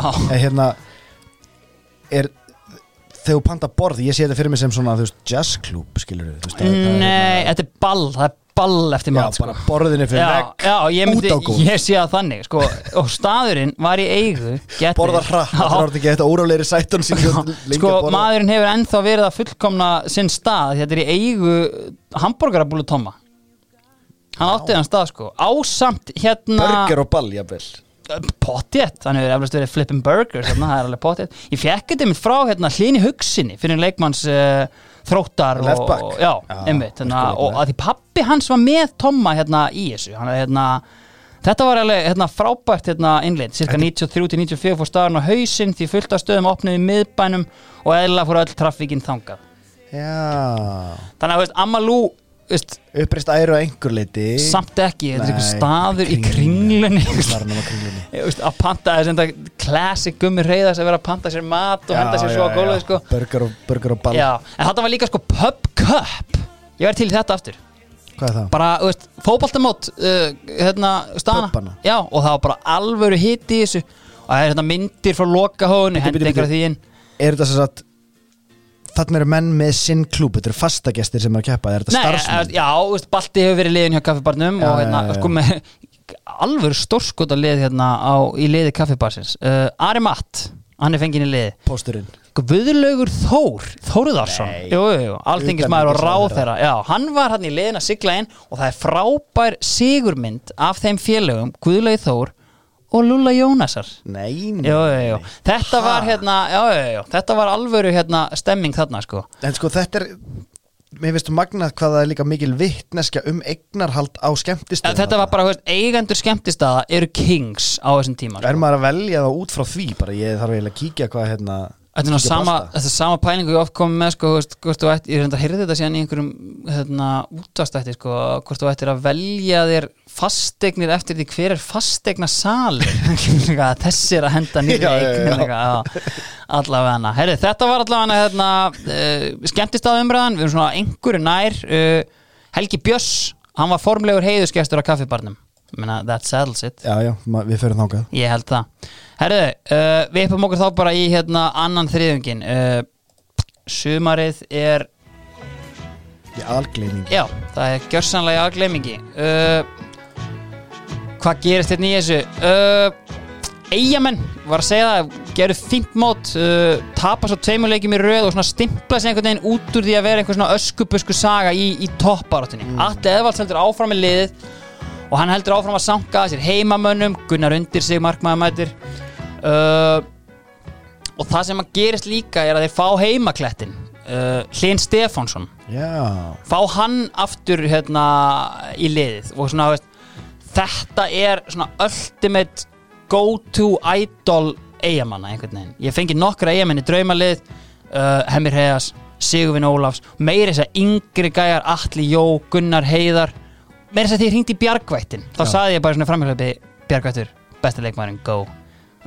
Hlynur Stef. Ok. Þú veist, þetta er svona, þú veist, hann kemur þarna sem miðjumæður en svona, þú veist, setna meir held ég hann hafi endað einhvern veginn í hafsendinum og hérna, og svoleiði, sko. Ég, ég held ég hefði átt sko plaggat af honum sem ég fekk í sportlíf Já, blaðinu á sín tíma og svona ég sé hann fyrir mér hann er bara einhver svona mm, ekki beint massaðast en svona sterkasti er sem fjall séð sko. þetta er fjallamanni. Mér, mér líður svona eins og hann nikli einn vöðva þá niklast allt samtímis Já, hann, hann getur annarkvort nikla alla veðvana eða engan þetta er svona gaur sem horfir á hann og hugsa svona er hann feitur? Síðan fer hann úr á ofan. Nei, þessi Nei. maður er alls ekki feitur. Hann er bara, þetta er svona, potið, svona hann er aldrei ég seti hann, hann er aldrei farin í liftingasal hann er bara svona, alveg sveitasterkur. sko. herru, en málið er að eigamenn tapa veist, þessi leikjum veist, og stimpla sig út veist, það er ekki fyrir hverjum sem er það er fyrir stjörnunni og Grindavík. Og Grindavík fara aðeins að rétta úr kútnum eftir að áður nefndur Jónas Þórhaldsson formaðurinn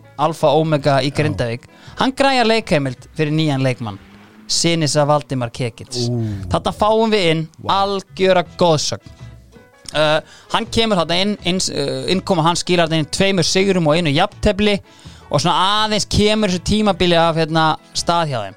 Í brunni hjá Grindavík mikið G, lítið T Gummi Torfa. Ok. Já, mætti þarna, alltaf, allir létti það sem að hann er sko, uh, meirum það síðar sko káeringar halda áfram frá kostum. Uh, unnur lánlösa eigamenn út í eigum 4-0, Rikki Dað og GBN með síningu, vinna síðan stjörnuna vinna síðan Grindavík og er þetta búin að vinna sko 4-0, 0-4 og 1-4 Ok. og viðir sig er sko veist, það er bara nánast til hamingu káeringar, hann er bara búin að afhenda þeim titilin sko, en skæin skæin er einhvern veginn að harka. Veist, þeir eru þarna, þeir eru að vinna leiki uh, Bjarni Guðjóns tríðin sigur út í eigum í uppbóta tíma veist, það, það er svona meira hark á skagan, þeir eru að fara þetta svolítið á reyðinni ef þið hafa ekki verið spáð titlir og meðan Káir er bara með síningar út um allan bæ. Ok.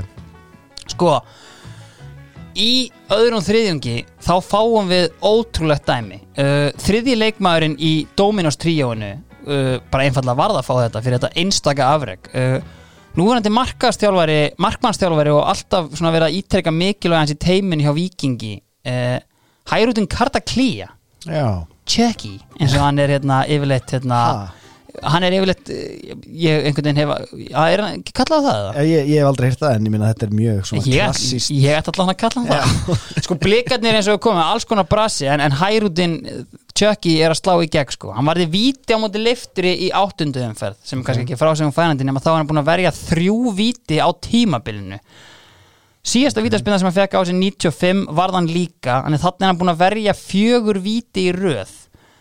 Þetta, ekkert skorað á hann á milli? Nei Það er það sem að í röð þýðir. Það sem að- Já, en sko það sem að meira er sko að hérna, hann er búin að fá á sig 14 vítaspinnur frá því að hann kom til Ísland, hann er búin að verja 8 af þeim. Shit. Þú veist, 57% vítanýtning einmitt. Það er bara, hérna, hann bæti þarna með uh, seniorsins, Stefáns Arnarssonar. Og það sem meira er sko hann varði 5. vítið í röð. Það er með mann hérna sem er búin að verja 5 víti í röð hann er þess að koma með 2 núna þannig að hérna sjáum Varðan, varðan setna Nei, Nei, nei, hann var það ekki. Nei, Hann er sem er 0, hann er í 0, sorry. Herru uh, Hvað sem gerist meira Keflæk mæti Grindavík. Uh, Vinna sem fyrsta sigur á tímabilinu, Keflingengar Hverju skora? Jói B. og Haukur Ingi. Já. Kjartan Másson, og hann er í bótsætinu Hún er með sama. Youth Já. er að skila sér og hann hefur engar áhyggjur. Áttundu umferð, uh, Víðir sig var með góða frétt hérna um að þarna hefði svona mjög íslenskt þarna hefði mögulega geta mæst bræður en öllum uh, Arnar og Sigurður Gretarsson Arnar fekk eins og að matareitrun.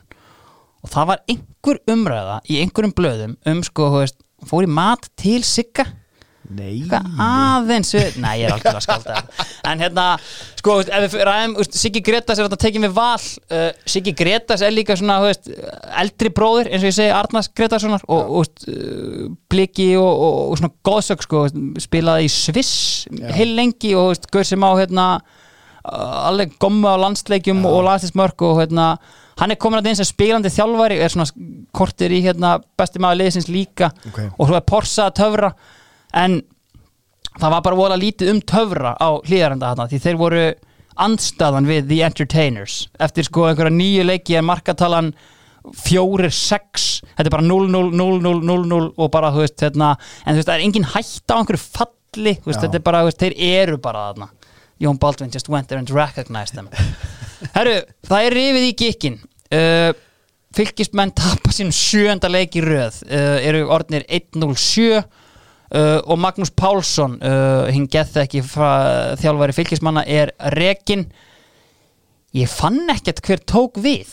Ok. Uh, Er þetta bara eins og keflaði ekki fyrra bara, basically sko, það var einhver sem sildi þessu bara í höfn einhvern veginn og hérna áttaði mig ekkert alveg, Marti Geirsson var orðaði við veist, bankaði upp á í vinnun hans eins og árinu áður og, og ertu klár?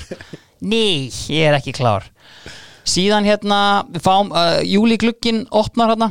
Uh, fáum þá transfers uh, Antoni Karl, hann hættir þessum leikþættu upp í Kópavogi, kemur heim. Já, þetta var mikill léttir uh, í hlýðunum vandaði markaskorra Ég, veist, ja, mér vantaði bara Gregor í minn sko, Já, veist, já. það bara að fá að hafa hann veist, það er náttúrulega ekkert að frétta sóknarlega hjá val. Þeir, jú, Gregor er sett eitthvað sko, en bara svona nærveran hans þú veist, bara að hafa hann þarna, það var geggja Þægilegur aðtiklisverð félagskipti í, í B-dildinni sem ég einfallega verða að koma inn á. Uh, Íeringar Kristján Guðmundsson við stýrið. Ok, uh, Tell me how good does it feel? It feels bad, Kristján. Hann er á botninum uh, með íeringana og hann sækir tvo leikmenn til Derby County. Það er annars vegar Will Davis sem að laði skóna á hilluna eftir frekar ragleitt já, bara eftir mislukkat einhverja dvöl. En hann fær líka Ian Aspi. Já, og hérna Ian Aspi er síðan bara legend sko. Meina hann fer þarna eftir þetta til Darby aftur, fær ekkert að spila. Fær svo samning hjá Hull City Hull City Tigers og þar eru þeir sko held ég í League 2 og Ian Aspi er bara club legend í Hull. Hann er fyrirliðin þeirra í League 2 League 1, Championship og Premier League. Alveg rétt. Og hérna alvöru og ég meina, veist, hann bjargaði íringu frá falli. Þeir hérna heldur sér uppi. Það var ekki Kristján Guðmundsson, það var Ian Aspi Já, 100% eh, og kannski einhver ungur leikmaður sem Kristján Guðmundsson hefur lægt þarna inn á í- í Lægt einhverjum mitt í leik. bjöldildinni Herru, svona hápunkturinn í hérna að öðrum þriðjungi. Uh, það er toppártuslagurinn í tíundu umferð. Káur vinnur Skagan og fara þarna loksins. Skagamenn hafa alltaf verið með leik meira. Já, já, já. Þarna fara þeir yfir þá og eru enn með leik til góða. Uh, maður leiksins Hilmar Björnsson. Stórkostið tímabili honum. Er ekki daða með sigur markið í 1-0 sigri.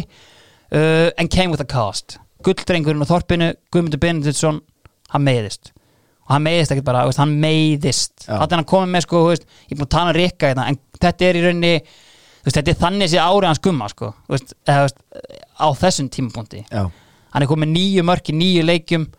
Uh, hann er bara lang bestur í deildinni meiðist þarna og það er eiginlega bara honum er vart hugsað líf í, í boltanum einhvern veginn þetta season, hann talaði um crossbandið í 500. skipti Já.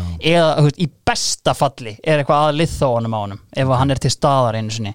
En allan þeir vinna hann leik og komast á einstigs fórst á topnum með leik til góða. Uh, hvað gerir síðan? Í þriðja sætinu á eftir skaganum Óskar Ingimundar og félagar í leftri. Uh, og þeir voru einmitt fyrsta liðið eftir að GPN meðist þarna það var þeir fyrsta liðið til að vinna Káir Sigur Markið The Icelandic Jæjatúri Já. Pál Guðmundsson hefur böðlað sig í gegn hérna á Yfirferð. þreyttunum fyrir skeitin alveg 100% en botbaráttan er það sem við erum að horfa á. Nei við erum að horfa á toppbaráttan er styrluð en, en þú veist þarna eru Keflavík, Fylkir og Blikar eru jöfna stigum. Uh, Fylkir vinnur loksins uh, og hvort þeir vinna þeir vinna Keflavík. Þannig eftir 12 umferðir þá eru Keflavík og Breiðablík með 7 stig á botninum 5 stig í örutt sæti. Og þar eru Grindavík og Fylkir er með 13 stig. En aftur blikar í skítamálum Já, já. en Keflavík er með einhverja leiki þarna inni sem að hérna, veist, mögulega kannski einhver tótt og frestan Já, einmitt. Herru, ég held að okkur sé nú bara ekkert að vambúnaði heldur en að henda okkur í hingað. Það er Climax og byggarinn uh, sem fyrir í bóði blöss.is og það er gríðarlega mikilvæg leiðrétting hérna frá okkur. Uh, Blöss.is er alls ekki þar sem að kostur var. Bara, veist, ekki langt í frá en þetta er alls ekki þar, þetta er það sem að spaðin er. Dalvegu 32B stendur. Ég fekk skilabóð frá fastakonna Jónas Elvar Haldurssoni sem tjáði mér að þetta væri allt annað hús. Og minn rugglingur hérna og okkar Já. fælst einfallega í því að ég held að kostur hefði verið í Dalvegi 32B ég er náttúrulega alltaf upp í blöss ég bara held að kostur var en Aldrei farið í kost, ég man ekki eftir að hafa stíði fættið þar. Nei, en ég er alltaf í blöss og það er náttúrulega frábært viðmót sem ég gefið þarna alltaf og það eru tækin og tólin uh, Minnum á Instagrami. Já, tjekkja á Instagraminu Þar, uh, þar leikur lífið við fólk. Uh, Byrjum þetta bara á byggarnum uh, Fylgir skæin Áttalega úrslit Upp á skaga. 9-2 uh, Björn- Eðlilegar lokatölu Já, áttalega úrslitum byggarsins Bjarni Guðjóns með tvö bípar sitt sendir í einhver og veist, það er bara veistla. Í markinu hjá fylki Róbert Gunnarsson, línumæður. Hann er ekki aðalmarkmaður þetta sísón Nei, Kæri Sturlu er aðalmarkmaður Já, og hann hlýtur nú bara að hafa meðst eða eitthvað. En hann allavega tekur hérna hann tekur ramman hann hjá, hjá fylkismönnum í þessum leik með þessum frábæru afleðingum að hann væntanlega fer bara yfir í handbóltan ég sá hann þegar hann spilaði eitt tímabili eftir þetta með KVF A. Þannig að veist og einhverju úlinganlandsleikir og eitthvað Það er KVFA er það ekki hérna fyrir austan? Það er spennið félag verkmentaskóla Sko Gulli Gull, hann spilaði líka einhvern tíma með KFA, þetta er greinlega rík hefð af landslismönnum hann í markinu Já, sko. þetta er Valur Austri sennilega. Já, sennilega sko, en hann allavega hérna spilaði ekki meira með fylki þetta, jú, hvort hann kom inn að einhverjum einu leik sko, væntalega þegar kærri meiðist Já. sko, en allan að hérna beið þess aldrei bæturinn að fá nýju í grilli hann upp á skaga sko. Herru, uh, í undanúrslutum þá vinnur skæin þægilegan sigur á Þór og Káar tapa fyrir IBVF í eigum bara miðugudagur fyrir þjóðháttíð Allir eða vald kveikir í sínum mönnum Það hefur verið lofórðum einhverjar ferðir í kvítutjöldin hann eins og árin áður og K.R. eru algjörlega hillum hortnir eftir að gummi bendi eftir út þú veist, þeir Ok. tapa þarna eins og saman fyrir leiftri, þeir detta út úr byggarnum og þetta er allt verið að líta aðeins svona aðeins erfiðlegra út. Byggarástin er svo þetta milli landsbyðarlegana IA og IPVAF uh, þú veist uh, svo sem kannski ekki eitthvað mikið um það að segja uh, Óli Þórðar hendur í skrýmer uh, og bara hérna, akureysingar klára þetta. Uh, það sem er kannski magnaðast við þetta er að Gauji Þórðar er að vera byggamestari fjórða skiptið í röð. Vá. Með tveimur liðum Ía, Káar, Káar, Ía uh, Elskar þessa kemni Já, ég meina það og nótabörnin líka Steinar Adolfs verður þarna byggamestari með skaganum. Hann var byggamestari með Val 92 byggamestari með Káar 95 skagan 96 Já, þrjúlið algjör rað byggar sigaveri hann var líka sko, veist, ef við förum út í fortíðina og veist, ekki nútíma kaspin þá var hann líka byggamestari með Val 90 og 91 þú veist, þetta er bara gæði sem elskar þetta kapp hann, er hann eini með þremliðum? nei, einnig viðbót sem er byggar Husk. Byggar baldur sig. Byggabaldur hann á hérna Keflaði Káar og Stjarnan. Allavega þetta er byggarinn uh, Móli algjörlega uh, eins og ég kom inn á þann Káar eru á toppnum og það er smá bras upp á skaga að því að Mikki Refur, Mihal og Bíbersits hann vil bara fara Ha? hann bara pyrra úr til gauja hann hérna, Hættur að negla á bolti já, bara algjörlega farið og það kemist því er algjörlega horfið og ég er svona aðeins að skoða þetta og veist, það sem að blasir einhvern veginn við er hérna blasma tweeti er sko að hérna hann er settur hérna á bekkin í einhverju leik og fróði menn sögðu mér að þarna er svona komið í algjört hámæli að hann sé að mæta heim eða, heim, mæta til Íslands þú veist, í april og, og það er ekki einu sinni veist, Ekki vottur að standa Nei, bara ekki neitt þú veist, og hann, hann er að chippin mörgum alltaf, potið eitthvað á vítum mögulega og, veist, hérna, en þú veist, basically skýringi sem ég fekk bara á bara slagur og, hérna, og gauðis Helvíti hart að menn sé ekki að leggja sig fram hérna. Já, það er basically þannig. Og þetta er einhvern veginn mekanismin í þessu er einhvern veginn bara þannig að þú veist, hann er að, hann er að skora hann er að en, en hann, hann sín á þetta er þú veist, purely football einhvern veginn. Hann sagði bara, þú veist, ég er ekki mættur hér til að hlaupa og hlaupa, ég er mættur til að skora mörg Já, mitt. Veit ekki alveg hvort hann sagði þetta svona en, en, veist, en það er þannig pælingin. Og hann er, hann, hann, sko, hann, er ekki hættur sko. hann segir líka áhangendunir, þeir eru að baula á mig. Veit ekki alveg hvort að það sé satt rétt, kannaði það ekki alveg sko en hann vil meina það bara þú veist, já, þú veist, þeir bara sjá útlending í byrjunleginu þeir vilja náttúrulega helst hafa einhvern frænda sinna inn á Ah. að hann er komin í þetta sko. ég fór aðeins að stúfana með þetta og þú veist, það, því það er sko sagt að hérna, leikmennitin hafi kosið um þetta þeir fóru í Európuleik á mútið Seska Moskvu og það er sagt bara eitthvað leikmenn Skagans unanimously kusu bara um það Bíbersits, you're out of here Survivor bara. Þetta er lígi þetta, Það hlýtur bara vera. Þetta er lígi og ég, ég hérna, fakt að þetta er lígi og hérna Hvaða þjálfari myndi búa til þetta scenario? finnst þið líklegt að Gauji Þórðar hendi einhverja atkvæðagreðslu Nei, nei. Nei, það er innráður og þú veist, þetta var basically bara, þú veist, Gauði sagði bara fara á bekkin, hann sagði bara nei. Og hann er bara farin, hann fór bara, þú veist, hann klára ekki þessum tímabili, hann var ekki með í byggjárstleiknum held ég. Og, og hann er bara farin, þannig að þannig er staðan, þú veist, veist á hérna á, á skaganum á þessum tíma. Uh, en það sem að kannski hjálpar er að K.R. fara að hyggsta. Þeir tapa fyrir blikum lélegasta liði landsins. En þá GBN lausir. Theodor Herfarsson múrar fyrir held ég. Hér getur við reynda að koma með einskot Theodor Herfarsson var farin í veðurfræði nám til Norex þarna þegar, þegar klínsítin fór að hrinja inn. Ég vil fá að heyra meira frá þe- Theodori sko. Já, sko, því að það sem næsta umferð, sko, þá hérna, þá gera Káir jafntefli á heimavelli við fylki. Og blikarnir vinna skagan Theodor Herfarsson með enn eina sýninguna nei, hann er út í Noregi, hætti þessu.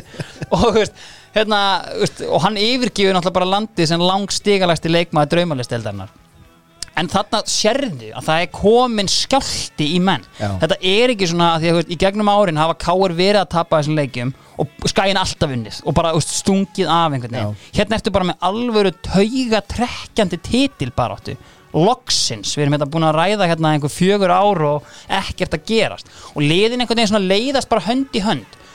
Og það er geggjuð sena sem er held ég í 15. umferð. Þessi skagamenn vinna sturlaðan sigur á Grindavík.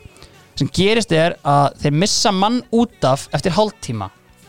Og þeir eru komin 2-0 undir á heimavelli. Það sem gerist þá er í stöðinu 2-0 60. mínútu G, mikið G, lítið T. Hann er á bekknum hann stendur upp úr skílinu lítur svona, tekur einhvern svona leikþátt lítur í kringum sig hvað er skagar hraðlustin eiginlega? Ég sé hana hvergi, tjú tjú. Skagin trillist. Sex í grillið á þeim. Staðan er 6-2, þeir eru manni færri. Leikurinn enda 6-3 þarna mætti skagar hraðlustin og hún kerði yfir Gumma Torfa. Hvað er þessi skagar hraðlust eiginlega? Kveikir í veist, hvernig dettur manninum þetta í hug? Lítið geð mikið þótt allavega þetta er hérna þetta er mjög tákart sigur fyrir þá sko. og það sem að gerast í öðrum stöðum í dildina leiftur klára þriðjasætið Just, IPVF er bara þarna inn og út eitthvað og hérna, tapandi fyrir liðum að, og veist, alvöru harka Páll Guðmundsson og Gunnar Oddsson Gunnar Oddsson að eiga geðveikt tímabil að fara fyrir sínum mönnum. Og leiftursmenn klára í rauninni bara þriðjasætið þarna mjög snemma. Og bara komnir í Inter-Toto-kjapnina Já. uh, já, held ég alveg pottjætt sko, það voru síðan heldur þessi tauga trýtingur áfram og bara lesa mokkan, veist, mokkin er, er farin að gefa út, sko, veist, ekki bara fjagra blæði sinna íþróttablöð, það eru bara tíu blæði sinna íþróttablöð, bara að fjalla um tauga titringin sem er í gangi aðna og það sem er líka er, meira er, okkar menn hjá geturinn lengjan, Já, á þessum tíma þá er óþólandi þegar ég er að skrolla yfir fréttir að ég sé alltaf að alltaf auka skrolla að alltaf getur eina blað það sem er einhver maður, Eiríkur Jónsson þó ekki hinn eini sann Eiríkur Ok, Jónsson þetta er eitthvað svona léttur sjómli samt svona aðeins og gamall er alltaf mynda honum með derhúna aftur og baka einhvern veginn og hann er svona að skrifa um veist, að reyna að pumpa upp allsvenskuna eitthvað fyrir getina með. Menn er að taka punkta hérna í örebró og eitthvað svona bullshit sko. En, en veist, okkar menni getur en voru með skattfjálsartekjur og þú veist, og, bara með sérstætt blað fyrir þetta, að pumpa þetta út.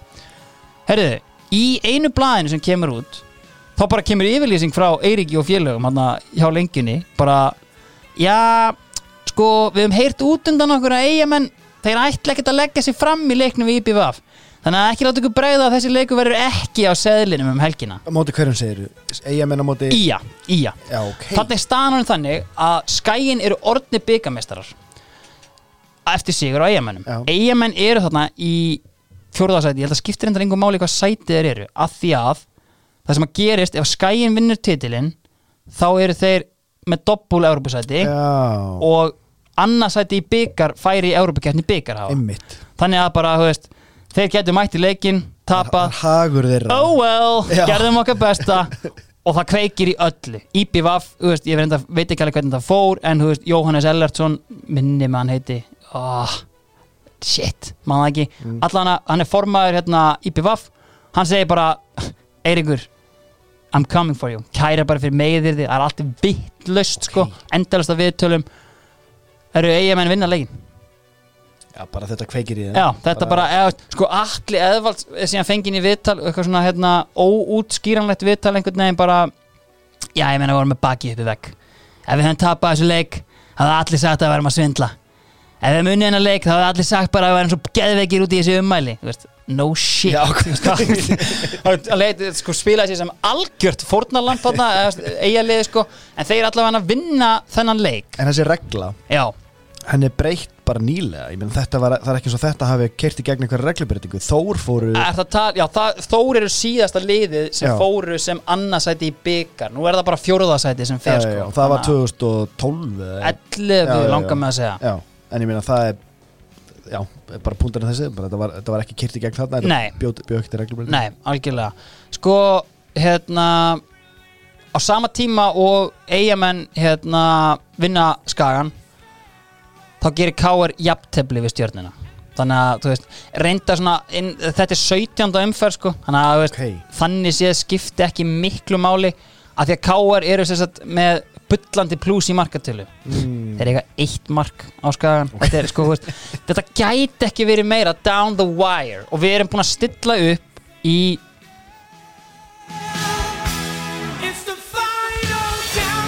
við erum búin að stilla Wow. upp bara í algjöran úrslita leik bara upp á skaga í að K.R. átjánda umferð liðin jöfnastigum K.R. dugir jafntefli en þú veist það dugar engum jafntefli í svona leik. Þannig að það er staðan.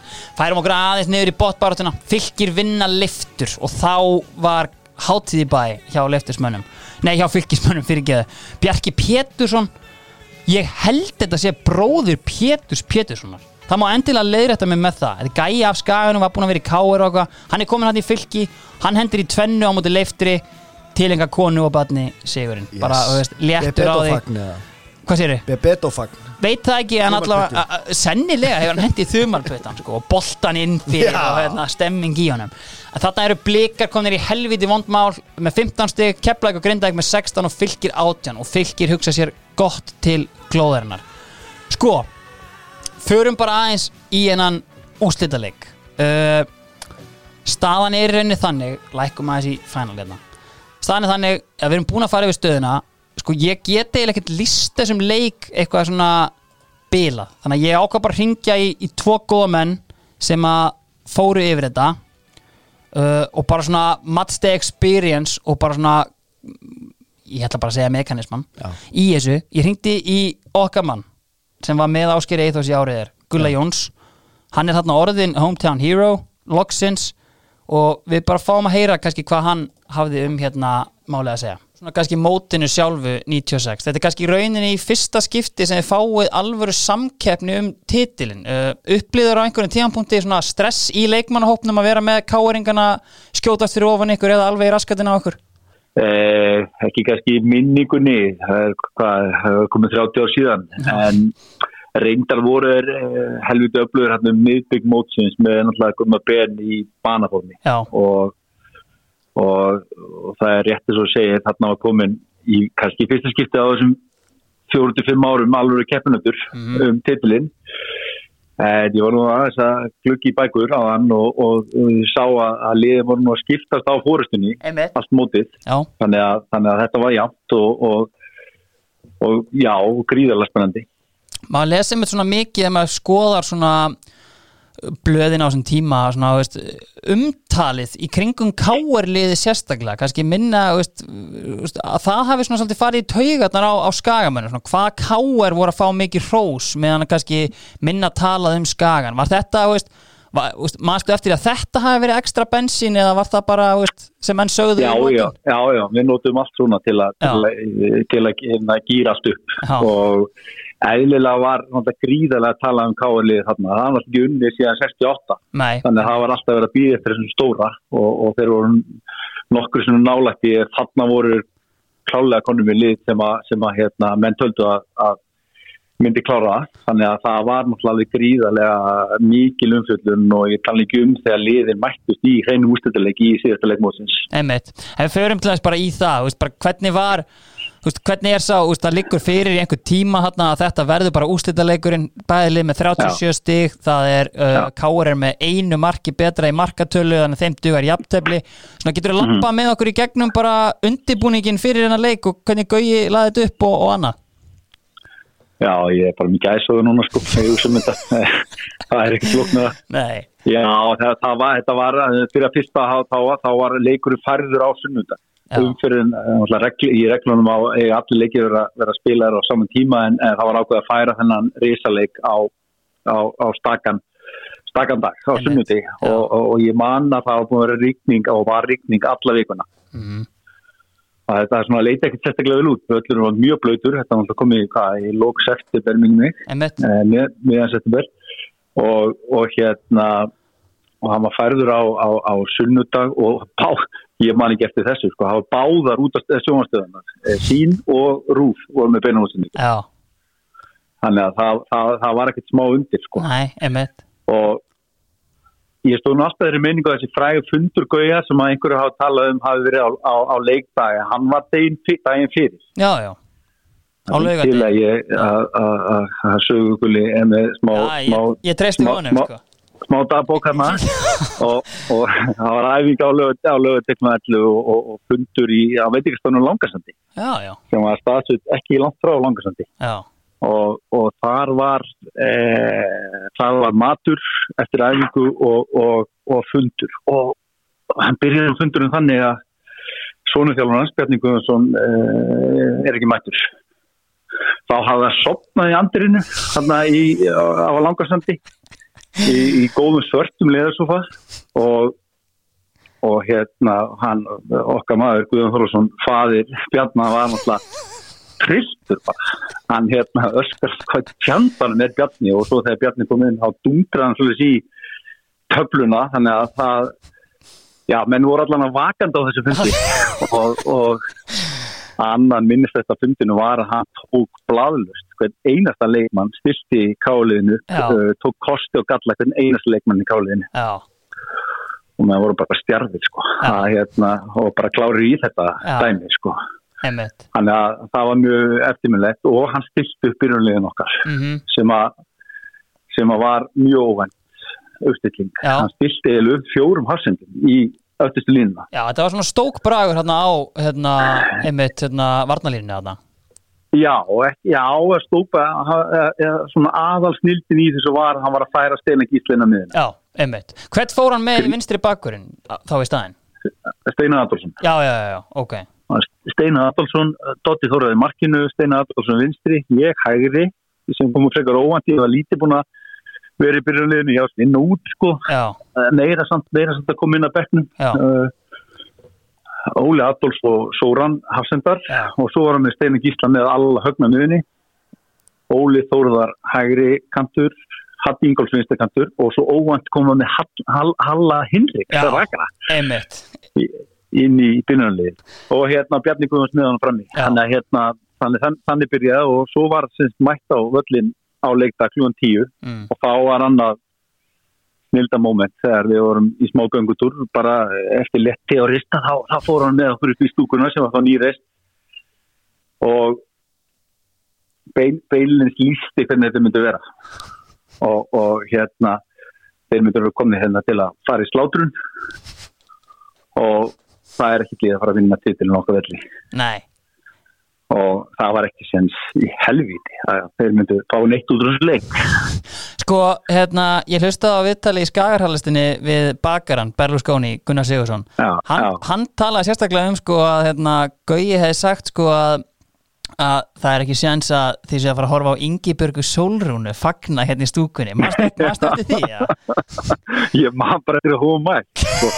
Og, og sati hliðin og með eitthvað káerhúi eða trefil og sati hliðin gísla gísla bæjarstjóra, já, hérna Akranes og hérna, já já þetta, þetta það eru svo mörg Ég meina, eitt af þessu er að vara það var náttúrulega vel yfir 6.000 manns Einmitt. og það var uppselt í alla ferði með Akraborginni og fólk komst bara ekkert veist, það var að fleiri fleiri mann sem hefði viljað komast frá Reykjavík sko. já, einmitt. Og það Það er verið staðan uh, 6.000 manns eru mættir þarna það er eiginlega ég fæ líka bara gæsa húð að hlusta á gulla lýsa einhvern veginn Já, ég meina, þessi ræða sem við heyrðum í senasta þætti frá Gauja Þóruðar maður getur margfaldað að sinnum, ég veit ekki hvað þegar hann komin upp á skaga í eitthvað hreinan úrslutleika móti liðinu sem hann er að fara frá þetta er, það er svo mikið undir þarna sko. Og bara díteilarnir í þessu eins og bara að hann mæti með eitthvað hags byrjunalið bara eitthvað, veist, þessi umrættur rakari Haraldur Hinriksson Einmitt. sem er notabenni með geggja lúk hana Ég meina sko,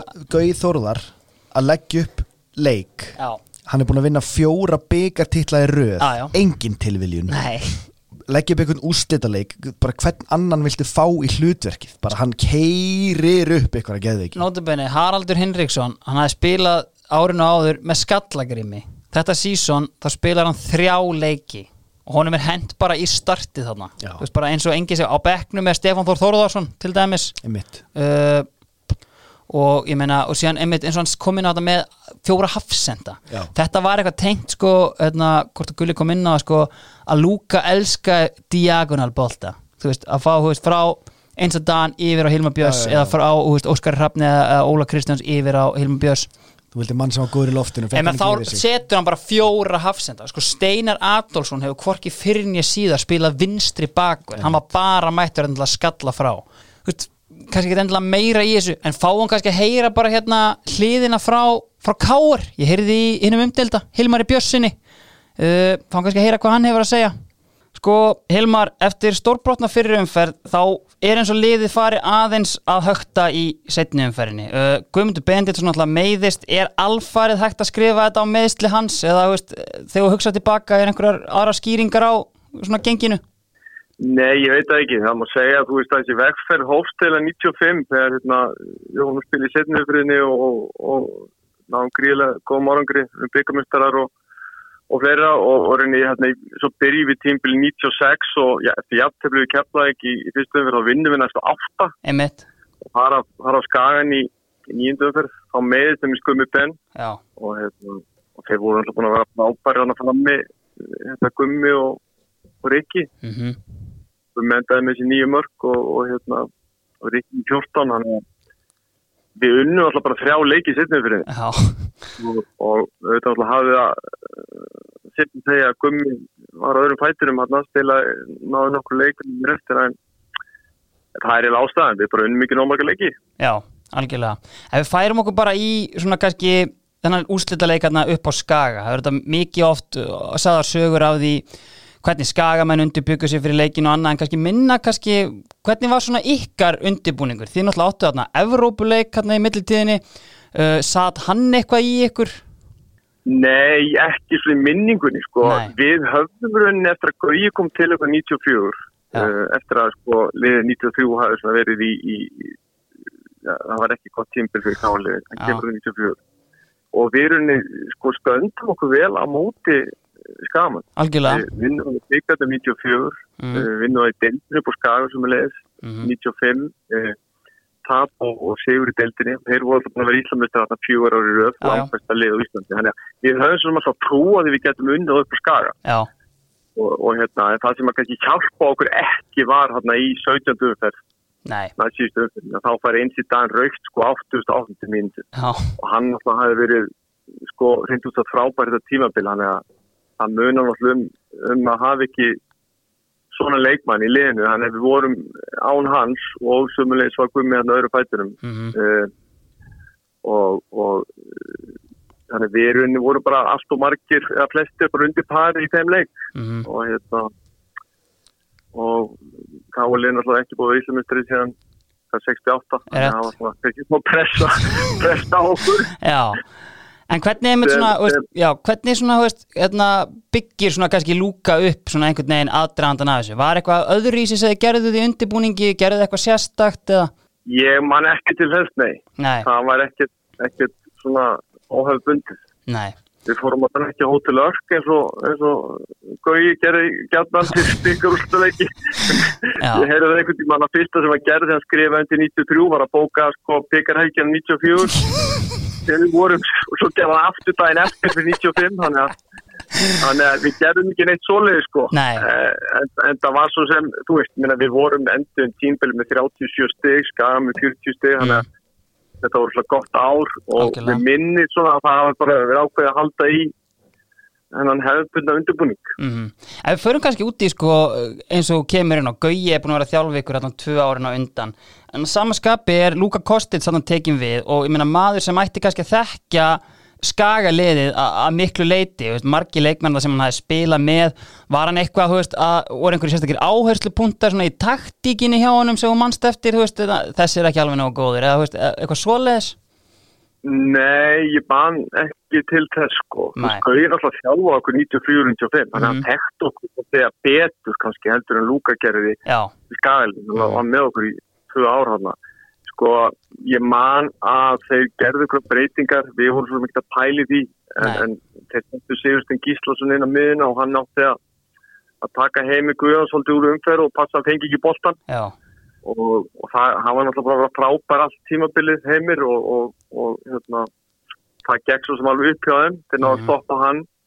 E, við fengum á okkur 16 mörg þetta tímabil. Einmitt. E, það var fjögur í þessum leik að við fengum á okkur mörg mörg sko, það var ekki hjálpa en, en, en hérna en eins og ég segi, veist, þeir voru bara betri fannst mér svona í minningunni sko. Já, það er einmitt svolítið svona stefið sem maður heyrir frá káringum veist, í rauninni erfitt að svekkja sig á leik þar sem að í rauninni veist, það sem að framist að hann rauninni kannski verðskulda ekki meira, veist, þannig að þetta er kannski beint leikur sem situr endilega þannig í mönnum eða hvað?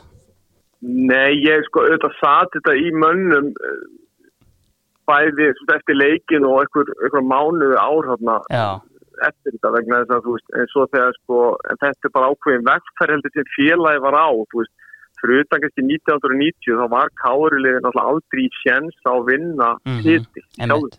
Já, og svo brjótu við til þetta 94-95 og það kemur ykkur svona hefð um það að koma félagin aftur í fremstu röf og, síðan gerist það 98 að tapa liði í úrslutaleik og svo, svo loksins uh, smelt fyrir þetta 99 og þá er einmitt margir líki leikmenn sem voru í þessu 96 liði sem Mhm. voru í liðinu þá, þú veist Þorstin Jónsson, Formar Eirsson, Gummi Ben, Einsi Dan, Sigurður Jónsson, Bjarni Mhm. Þorstinsson var þá kominn í lið. Þannig að þessi ég byggðu bara á þessar reynslu, þú veist, að vera að spila svona leiki og ég þetta að hjálpa félaginu, þú veist, mm en, en, en þetta var alltaf gríðlega sárt Já, að ná að landinsu þetta upp á skaga, Mhm. en, en hérna, en eins og ég segi, við vorum bara ekki áttum ekki góða leik. Nei, og það er svona þetta ástæðan menn þeir spiluðu bara vel. Algjörlega. Herru, kannski bara loka spurning Hilmar, bara svo ég setið on the spot. Uh, lengi í KR og annað uh, Ertu með einhvern svona go-to besta leikmann sem þú spilaði með á tímanu þínum í KR?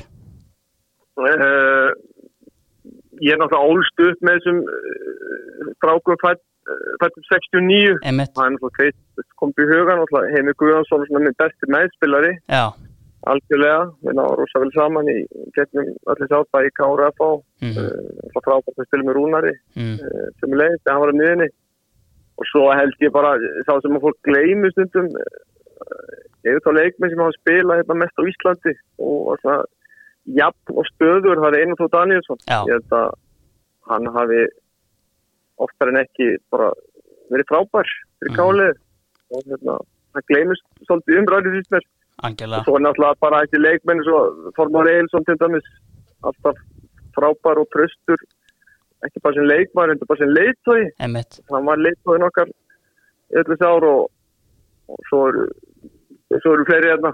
Sigurður Jónsson kemur upp í hugan svo náttúrulega var frábært þetta tímbild að spila með Gumma og Rikka. Það var náttúrulega Já. bara alveg bara draumur fyrir kantmann að vera með að tvoðin í bóksinu sko. Þarna heyrum við atrið sem að ég kannski eh, flaskað á að- að kveikja á sko, einsi dan er náttúrulega í banni og það er alvöru skarf fyrir skildið að vera ekki með valsmann hann á vinstri vangnum Já, þú hugsa sko bara heyra hann tala um þetta er að koma inn í hann leik með sko, ég veit ekki hvað, 30 years of hurt Já, og já, er eitthvað heldur meira betur, þú ert með gumma ben á annar löppinni og svo þetta hérna, gaurinn sem er kannski búin að vera að stíga aðeins upp í fjárveru gumma ben sem eitthvað svona presensóknarlega, hann er ekki hérna þannig að Mhm. Hversu mikilvægt er að vera með þjálfara sem stillir menn rétt inn? Þannig að þú sért ekki skjálfandi þegar þú lappar hérna og þú veist, þegar maður he- heyrir þetta en hann kontrast, þá sem Gulli var að segja leittir til sláturnar, þetta Já. bara hljóma nákvæmlega þannig. Og líka bara ef þú pælir í því að ég einhvern veginn svona túlkaði svona smá vingil ok, Gauji var með hérna þú veist, kosti og galla yfir alla leikmenn káarleisins, ég var svona kannski smá að vona að Lúka hefði farið eitthvað í þau fræði en það var bara eins og Gauji á móti nakk breyta, við ætlum bara að spila okkar leik. Já, sem að er uh, hugsanlega hægt að skrifa á einhvers konar reynsluleysi sem stjóri Já. og þú veist, út nýbyrjaður og svo leis og, Mhm.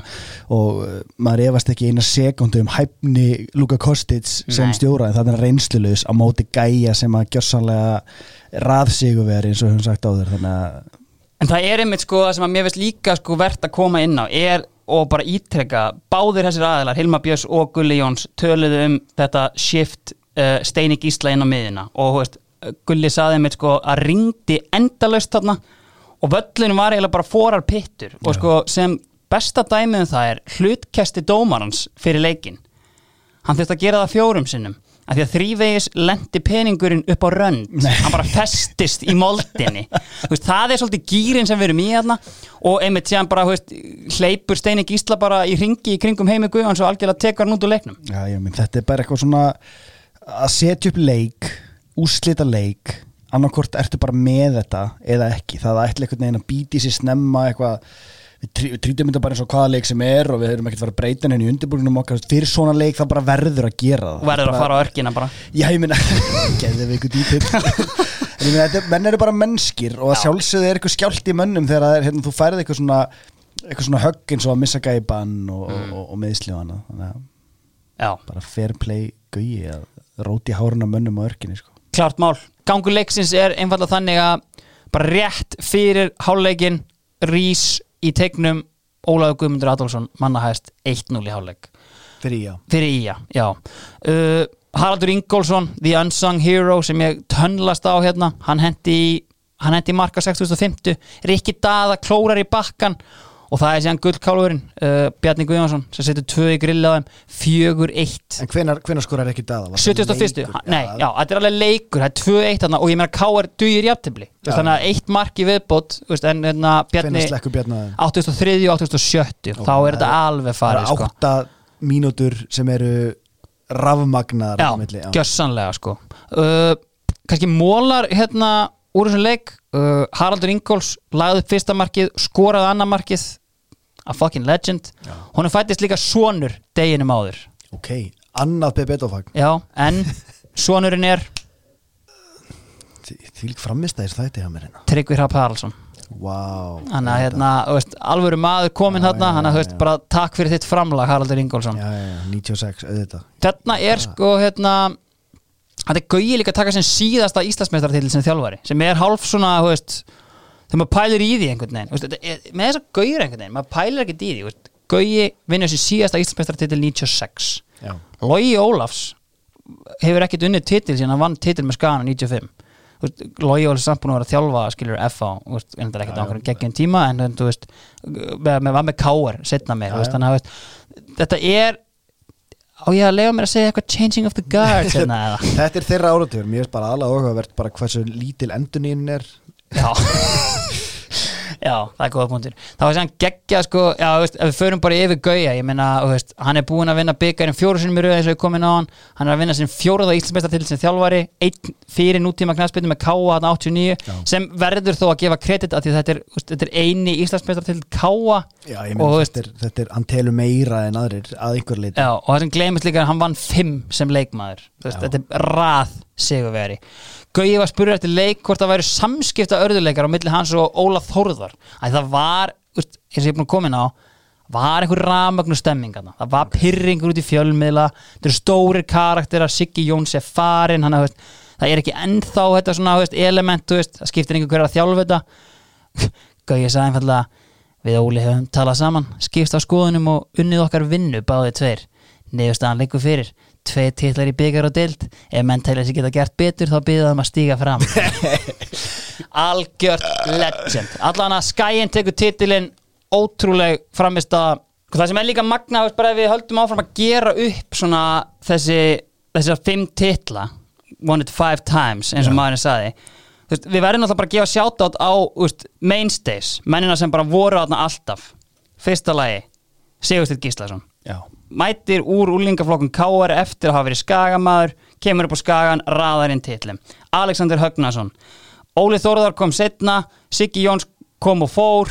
Alexander Högnason, hann var þarna bara trekk í trekk. Já, Haraldur goddamn Ingolson búin að gefa okkur Tryggvar Hrafn Haraldsson búin að færa skaganum fimm titla. Þú veist, þetta er bara maður sem þarf að sína meiri virðingu, takk. Ég held meiri segja, sko ég held að allir guðna sig í dag stóðsendingahæsti leikmaður eftir til þetta frá upphafi, ég held að hann hafi klára fyrirlin þannig, á undan honum er að gummi ben, en bara þangað til gummi ben bætir þetta með cirka 2007 eitthvað svo leiðis þá er Haraldur Ingólfsson bara í nútíma knatspilnu og, og veist, hérna, samantætt á tölfæraði með þetta með þannig að, veist, please, virðing á nafnið. Númer fjögur Sturlaugur Haraldsson, Sturlaugur goddamn Haraldsson eins og ég kalla hann alltaf. Sko, veist, hörku bakverður og bara gerir sitt, bróðir hans fer hann upp í blika hann er engan áhuga á því, hann ætla bara að vera upp á skaga. Nú vel. Síðast en ekki síst Ólafur Adolfsson Söðkreklingurinn sem að Gauji Þórðar dró bara og Gulli Jónsson hefði lítið út þessu körfuboltamaður kom hann bara eitthvað inn og Gauji Þórðar tekur hann bara og gera hann að landsleismanni og bara svona algjörlega kórónar þetta með því að þú veist, with a captain's goal eins og að Lísandi myndi segja, hann var endur ekkert fyrirlið en þú veist bara svona hotspilna og hamrar hann inn hann sparkar með haustnum eins og einhver myndi segja. Komið með bræði var það ekki? Já. heldur betur og 1-0 í hálfleik og bara, veist, þetta eru menn sem eiga skilið, veist, bara þetta er stittu er materiál styttudæmi. ég held að það geti alveg verið, sko. Bronsaðir, jafnvel svona brjóstmyndastittu þetta eru klárlega ekki þetta eru ekki sung heroes. Veist, þetta, þetta er ekki Siggi Jóns eða Arnar að Bjarki að Þóruður eða þessi gauðar sem tóku fyrirsagnar þetta eru bara gauðar sem voru aðna chippuð inn sínu, voru ógeðslega góðir og bara stóðu sem eins og hetjur. Já, eru bjargið sem þetta hús er byggt á á. Bjarki byggði Gauði Þórðar hús. Og í rauninni veist, við getum bara veist, lúfa því skilur veist, þetta, þetta er þessi þetta er þessi fimm ár, veist, við erum búin með skaga árin þetta er, ótrúlegt, verður þetta toppað það?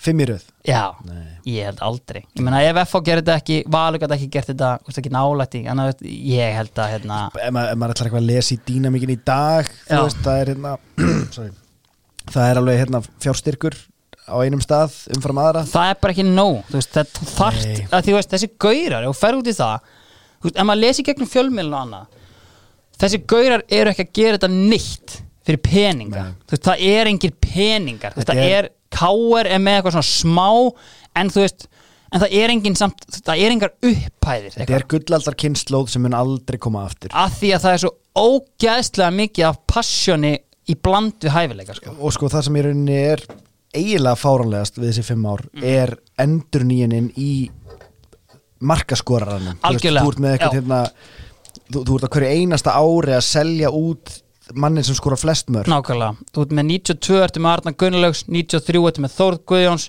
94 ertu með uh, Bíbersits er Nei, hann er nei. farin hann Nei, 94 ertu með Bíbersits Já. 95 ertu með Arna Gunnlaugs Mm. og Óli Þórðar er á raðin og 96 ertu með Bjarna, 17 ára. Já. Móli, yngsti aftur del til að skora þrennu. Það verður aldrei bætt. 17 ára og 200 daga gammal þú getur glemt því. Kristján Guðmunds. Eat your heart out. Herri, allavega uh, Fallbaráttan. Uh, Sko það sem gerist er að hérna, ég kom inn á dáðan. Uh, Breiðablíkar á botninu með 15 stig. Já. Þeir eru eiginlega út úr þessu. Uh, Samt, þú veist, ef þeir vinna stjörnuna í lokaleik veist, þá eru þeir komin upp í 18 stig þá geta þeir jafna fylki. Uh, og síðan eru Keflavík og Grindavík með 16 stig. Herðu, uh, Keflavík þeir eiga leik. Er þetta? Keflavík eiga leik við Eyjamenn. Eyjamenn eins og ég kom inn á hann eru löngu hættir. Þeir eru bara pæli því hvort að Ía vinni sinn titil og, og skjóti þeim í Európu allavega hana uh, Kjartan Másson búin að vera hann með ungt og efnilegt lið Haukinga og, og Jóa B upp á topp. Hvað vantar mig? ennþá yngra. Inn á sendir hann Þórarinn Brynjar Kristjánsson. Ok. Þann sem ég held að væri bjargvættur en er hins vegar ekki original bjargvætturinn. Nei. hann er búin að vera inn á einhverjar 15 sekundur í sínum fyrsta byrjunarleisleik fakt checkum þetta. Já, í sínum fyrsta byrjunarleisleik 15 ára og eitthvað daga gamall. Fyrsta snerting bang, Ég minn. Mark. Keflavík vinnur þennan leik komið sér upp í 19 stig. Herriði, það eru sviftingar á Ólafsfyrði liftur eru reyndar búnir að klára sinn hérna sinn leik einhver, eða, bara, þeir eru komni með þriðja sæti, Já, þeir eru komni með eintir Tótó, hann lítið að keppa en Grindavík þarf samt að fara á Ólafsfjörð. Gummi Torfa og félagar, Skagar Hallastinn 2-2, 0-0 lengi framan af. Grindavík er á leiðinni niður. Gummi Torfa er þetta svona þannig, hann er að stíga sín fyrstu skrifið þjálfun, hann er fyrstu skipti aðalþjálfari hann er spílandi aðalþjálfari fyrir svona tvennum sögum um framlæðið hans þetta eru tól leikir sem hann spilar tvö mörg, kannski eitthvað aðeins fara að hægast á honum, en hann situr bara á bekknum á 80. og annari mínútu. Hann er minnugur viðtalana við Sigur Lars Þorleifsson. Já. ég væri til í að ég væri þarna inn á að skora mörkin. Ég ætla ekki að naga mér handabökin eftir á. Nei, aðeins áður en hann setur sjálfan sig inn á þá setur hann inn á Gretar Einarsson. Plæjaðakurinn Já, og síðan er það bara 80 annari Nei, ég ætla ekki að láta hanga með eins og Sigurlás Ég kem hérna inn á. Í uppbóta tíma, aukaspilna á stórhættulega stað. Mikið G, lítið T Hann bara hamrar þessu á markið. Hann segir bara Gretar, inn í box með þig Já. Inn í box með þig. Herðu, Þorvaldur Jónsson, markmaður leftus He parries it. Nei. Og bara punktur, punktur, punktur í Championship Manager. Já, Gretar Einarsson applies the finish. Goal Grindavík. Og Grindavík Shit. halda sér uppi. Uh, fylgismenn tapa 5-2 útífelli fyrir val og blikar gera 3-3 játtilblíu stjörnuna. Ævinn týralega bjarganir á suðunesinum enginn sem hló hærra en Kjartan Másson. Og bara, þú veist god damn it, gummi torfa sko. Verði ykkur að góðu Það er raunin staðan, to sum up, skæin er meistari og þeir fara á svona KR í Júfa Cup á næsta ári, við erum enn ekki, það er ekki enn búið að hleypa okkur inn í meistaradildina og IPVF sigla þessu hérna Európa-kjarnis byggarhafa sæti sem þeir höfðu þá gert allt sem þeirra valdi stóð til að ná ekki með sigri á skaganum. Og leiftursmenn eru komnir í Intertoto kjarnina Í fyrsta skipt Já, já, já, í fyrsta, já, já, já. Að tala um það, blessaður. það var ekki seinast, það var eitthvað rugglingur Já, já, já, nei, já, já, e- e- endilega leiðrættum það aftur. Það er hérna, algjörlega, þeir eru að fara í fyrsta skipti í Európa-kefni út bara ótrúlegt lið og bara ótrúlega saga. Við þurfum að gera þessu nánæri skil það þarf að ringi einhverja þarna og fara yfir þetta að þetta er glórilöst Það eru fylgir, gamla bandið, þeir fara aftur niður. Það líður þeim bara einhvern veginn best greinilega sko. Og hérna og með þeim fara hérna Theodor Hermansson hann sendi skeiti þarna úr veðufræðinni í Nóri og, og þeir fara niður. og hann er Arnar Gretarsson að fara niður í annað að þriðja skipti sem landslismadur uh, Hvaða? sjáum bara til hvað Já, gerist já. í þessu. Herðu, færum við þá bara hingað. Við erum enn ekki komnir í Intertoto-lægið við erum á húninum. Uh, en það voru Európa-leiki spilaðar þeir eru auðvitað í bóði lengjunar eins og áður. Uh, þrátt fyrir þessi frægu ummæli í aðranda IPVF IA þá eru lengjan og þeir voru líka lökusprengjan uh, þ- gera leikin skemmtilegri skattrálsi vinningar, hagstæða stöðlar og geðveitt app. Fyrst og fremst bara mikil hamingja og gleði. Og minna fólk, núna er COVID búið. Já, fariði í getrunakaffið einmitt. Uh, sko vikingar er að raða inn peningum í geturina kaffinu og bara veist, þetta vinna endals upp að renni beint í félagsins. Og þið takir líka kött Herðu uh, Bjarni Guðjóns skorar. Og hann hlýtur bara að vera yngsti leikmaður Íslandslega skor í Európa-kjörn Já, Nei, ég, meina, ég ætla bara að fakta Þú veist, þeir vinna hann eitthvað lið uh, Þetta er eitthvað Silex eða eitthvað. Ég gróði ekki einu sinni upp úr hvað þetta var. Þetta er eitthvað nauða og ómerkilegt. Og mæta síðan Seska Moskvu. Uh, Þú veist Seska Moskva. Þetta var í rauninni einvið sem áttu aldrei sjensi Hvort þeir tapa fyrir leiknum 2-1 Og hérna, og setni leiknum Setni leiknum 4-1 Þannig að það var við ramman reypa að draga þarna. K.R. Uh, þeir vinna sína fyrstu leiki. Það eru hérna á móti einhvern leik og mæta sín AEK, þarna ég er svona leik sem er tróð þarna á milli úrstættarleiksins við, Já, já, já. við Skagan. Svo sem ekkert magna það er náðu jafnteflu og kannski markverðast þjálfari AEK Erik Hammarén ok. Mætti hérna, hann skoðaði K.R. fylgir Já, that's a proper team. Það er ekkert eðlilega peppa fyrir þessu. Og það sem að hérna, líka nýbúin að vera með gumma ben á reynslu þarna sko, næm, hann, hann var vel með þetta. En þú veist, ég kannski glemt að koma inn á gummi ben náttúrulega hillum horfin, veist, hálfur maður hérna á annari löppinni. Hann er þó að spila á annarri hann löppinni. spilar síðustu fimm leikin eitthvað svo leiðis Ok. og veist, þetta er eitthvað, veist, hann sagði þetta við mig í draumalinu hvort það var bara eitthvað, heyrðu þetta er í hassi hérna en þetta, þetta heldur, þetta verður ekki verra. Getur hlaupið? Já, já. En þú veist, hann við viðkjönt að hann átti ekkert að vera að spila þarna. Hann, þú veist, hann með nýju mörk í nýju leikjum spila síðan fimm leiki skorar ekkert. Uh, Já, með þetta og kepplíkingar eru í þessari Intertoto keppni, þú veist, það eru engar hérna, framistöð það að gera 0-0 jafntefli við Maribor sem þetta væri stórt í dag. Kannski helst, þú veist, þeir mæta Örebro fá hérna mark frá Arnóri Guðjónsson eldgömlum í grillið á sér. Uh, og í markinu hjá FCK sem mættu var Antti Niemi. Kíkti hérna upp í Já, og það er svona kannski að helsta úst, úr þessum hérna úr þessum Európa-leikjum ég hef svo sem ekkert hérna, meira einhvern veginn kannski um þetta að segja uh, ekki, ekki merkilegt að Nei, og lægi er líka klárast hérna, þannig það er bara kannski viðegandi að við förum þá bara næst hingað Lesaður Já, takk vinnur uh, Það er umræðum íslenska landslið og við erum komið með nýja félaga. Það eru nýjir menn komin að nýta með okkur.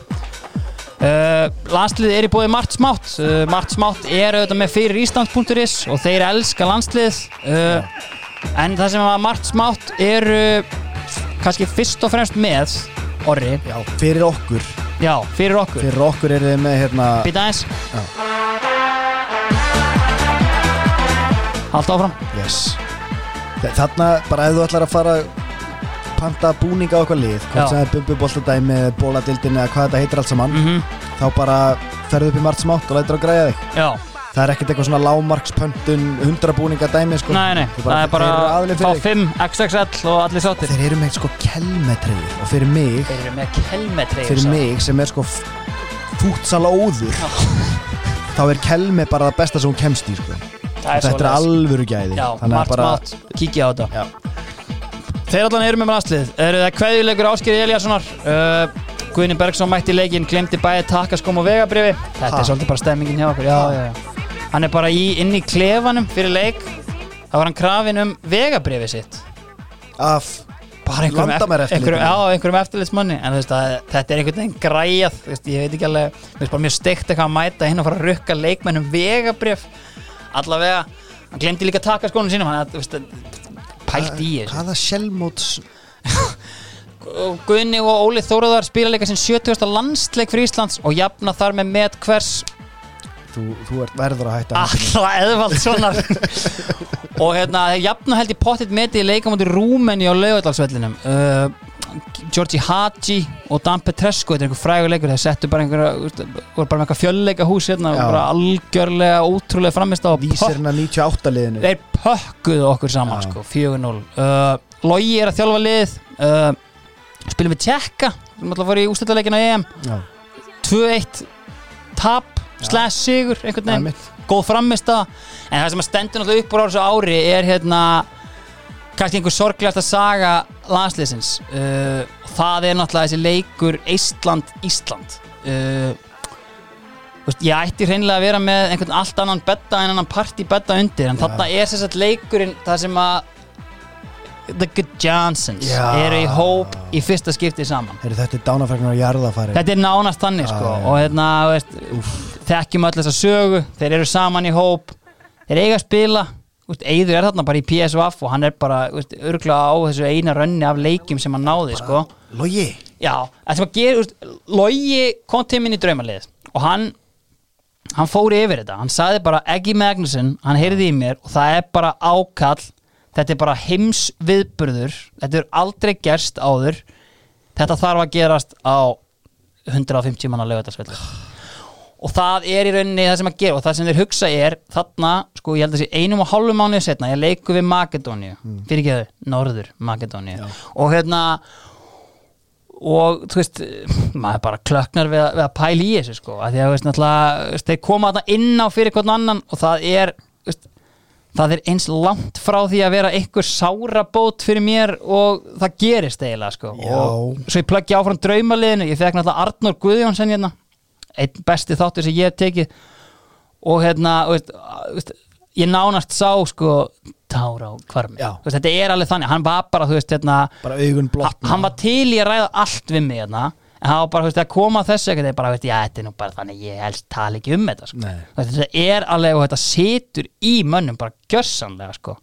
Þannig að, veist, það sem er hérna markvert við hennar leik er sko að, að sjálfsögðu skora Bjarki Gunnlaugs þrennu það er engin að tala um það Mr. Beta. Þú veist, það er bara, hans bara geggja að þrenna öllum alveg sama það er bara chance for fara mér kaftir að Gondor to show his qualities. Æ. Herru, uh, veist, Logi heldur áfram með lið. Sjáum bara hvað gerist með þetta. Uh, heldur sem tæmdir á yfirferð fallin á tíma fyrir löngu síðan. uh, kannski aðeins um veist, Gunnar Oddsson veist, hann er leikmaður ársins, glemt að minnast á það. Já. og Rikki Dada tekur guldskóin ok. Uh, veist, Gunnar Oddsson eins og við erum búin að koma inn á þetta bara, ég myndi segja sko, út á við klárlega bara andlit æventýrisins hann fór, he recognized them Já. og bara kom með leikmenn. Og við bara heyrum bara hvaða leikmenn þeir fengu fyrir þetta tímabil og bara, býðið spenntir eftir komandi En leikmenn þetta er ekki fyrsta skipti sem hann er leikmaður tímabilsins? Jú, þetta er fyrsta Nú, skipti ok, já, já, þannig veist, en, en. Já, algjörlega. Herðu, uh, þá erum við tæmdir til að ekki þetta Gunnar Oddsson. Já, Orri lægið uh, Já það var hérna Sko, ég lendi í smá basli.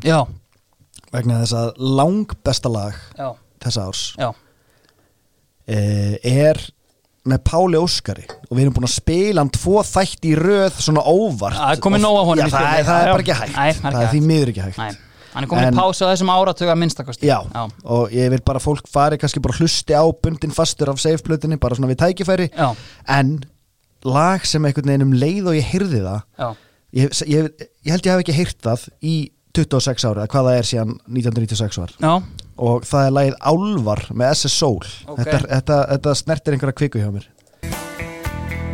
Við erum hér. Einu þeir, Já. Þú ert eins og klettur.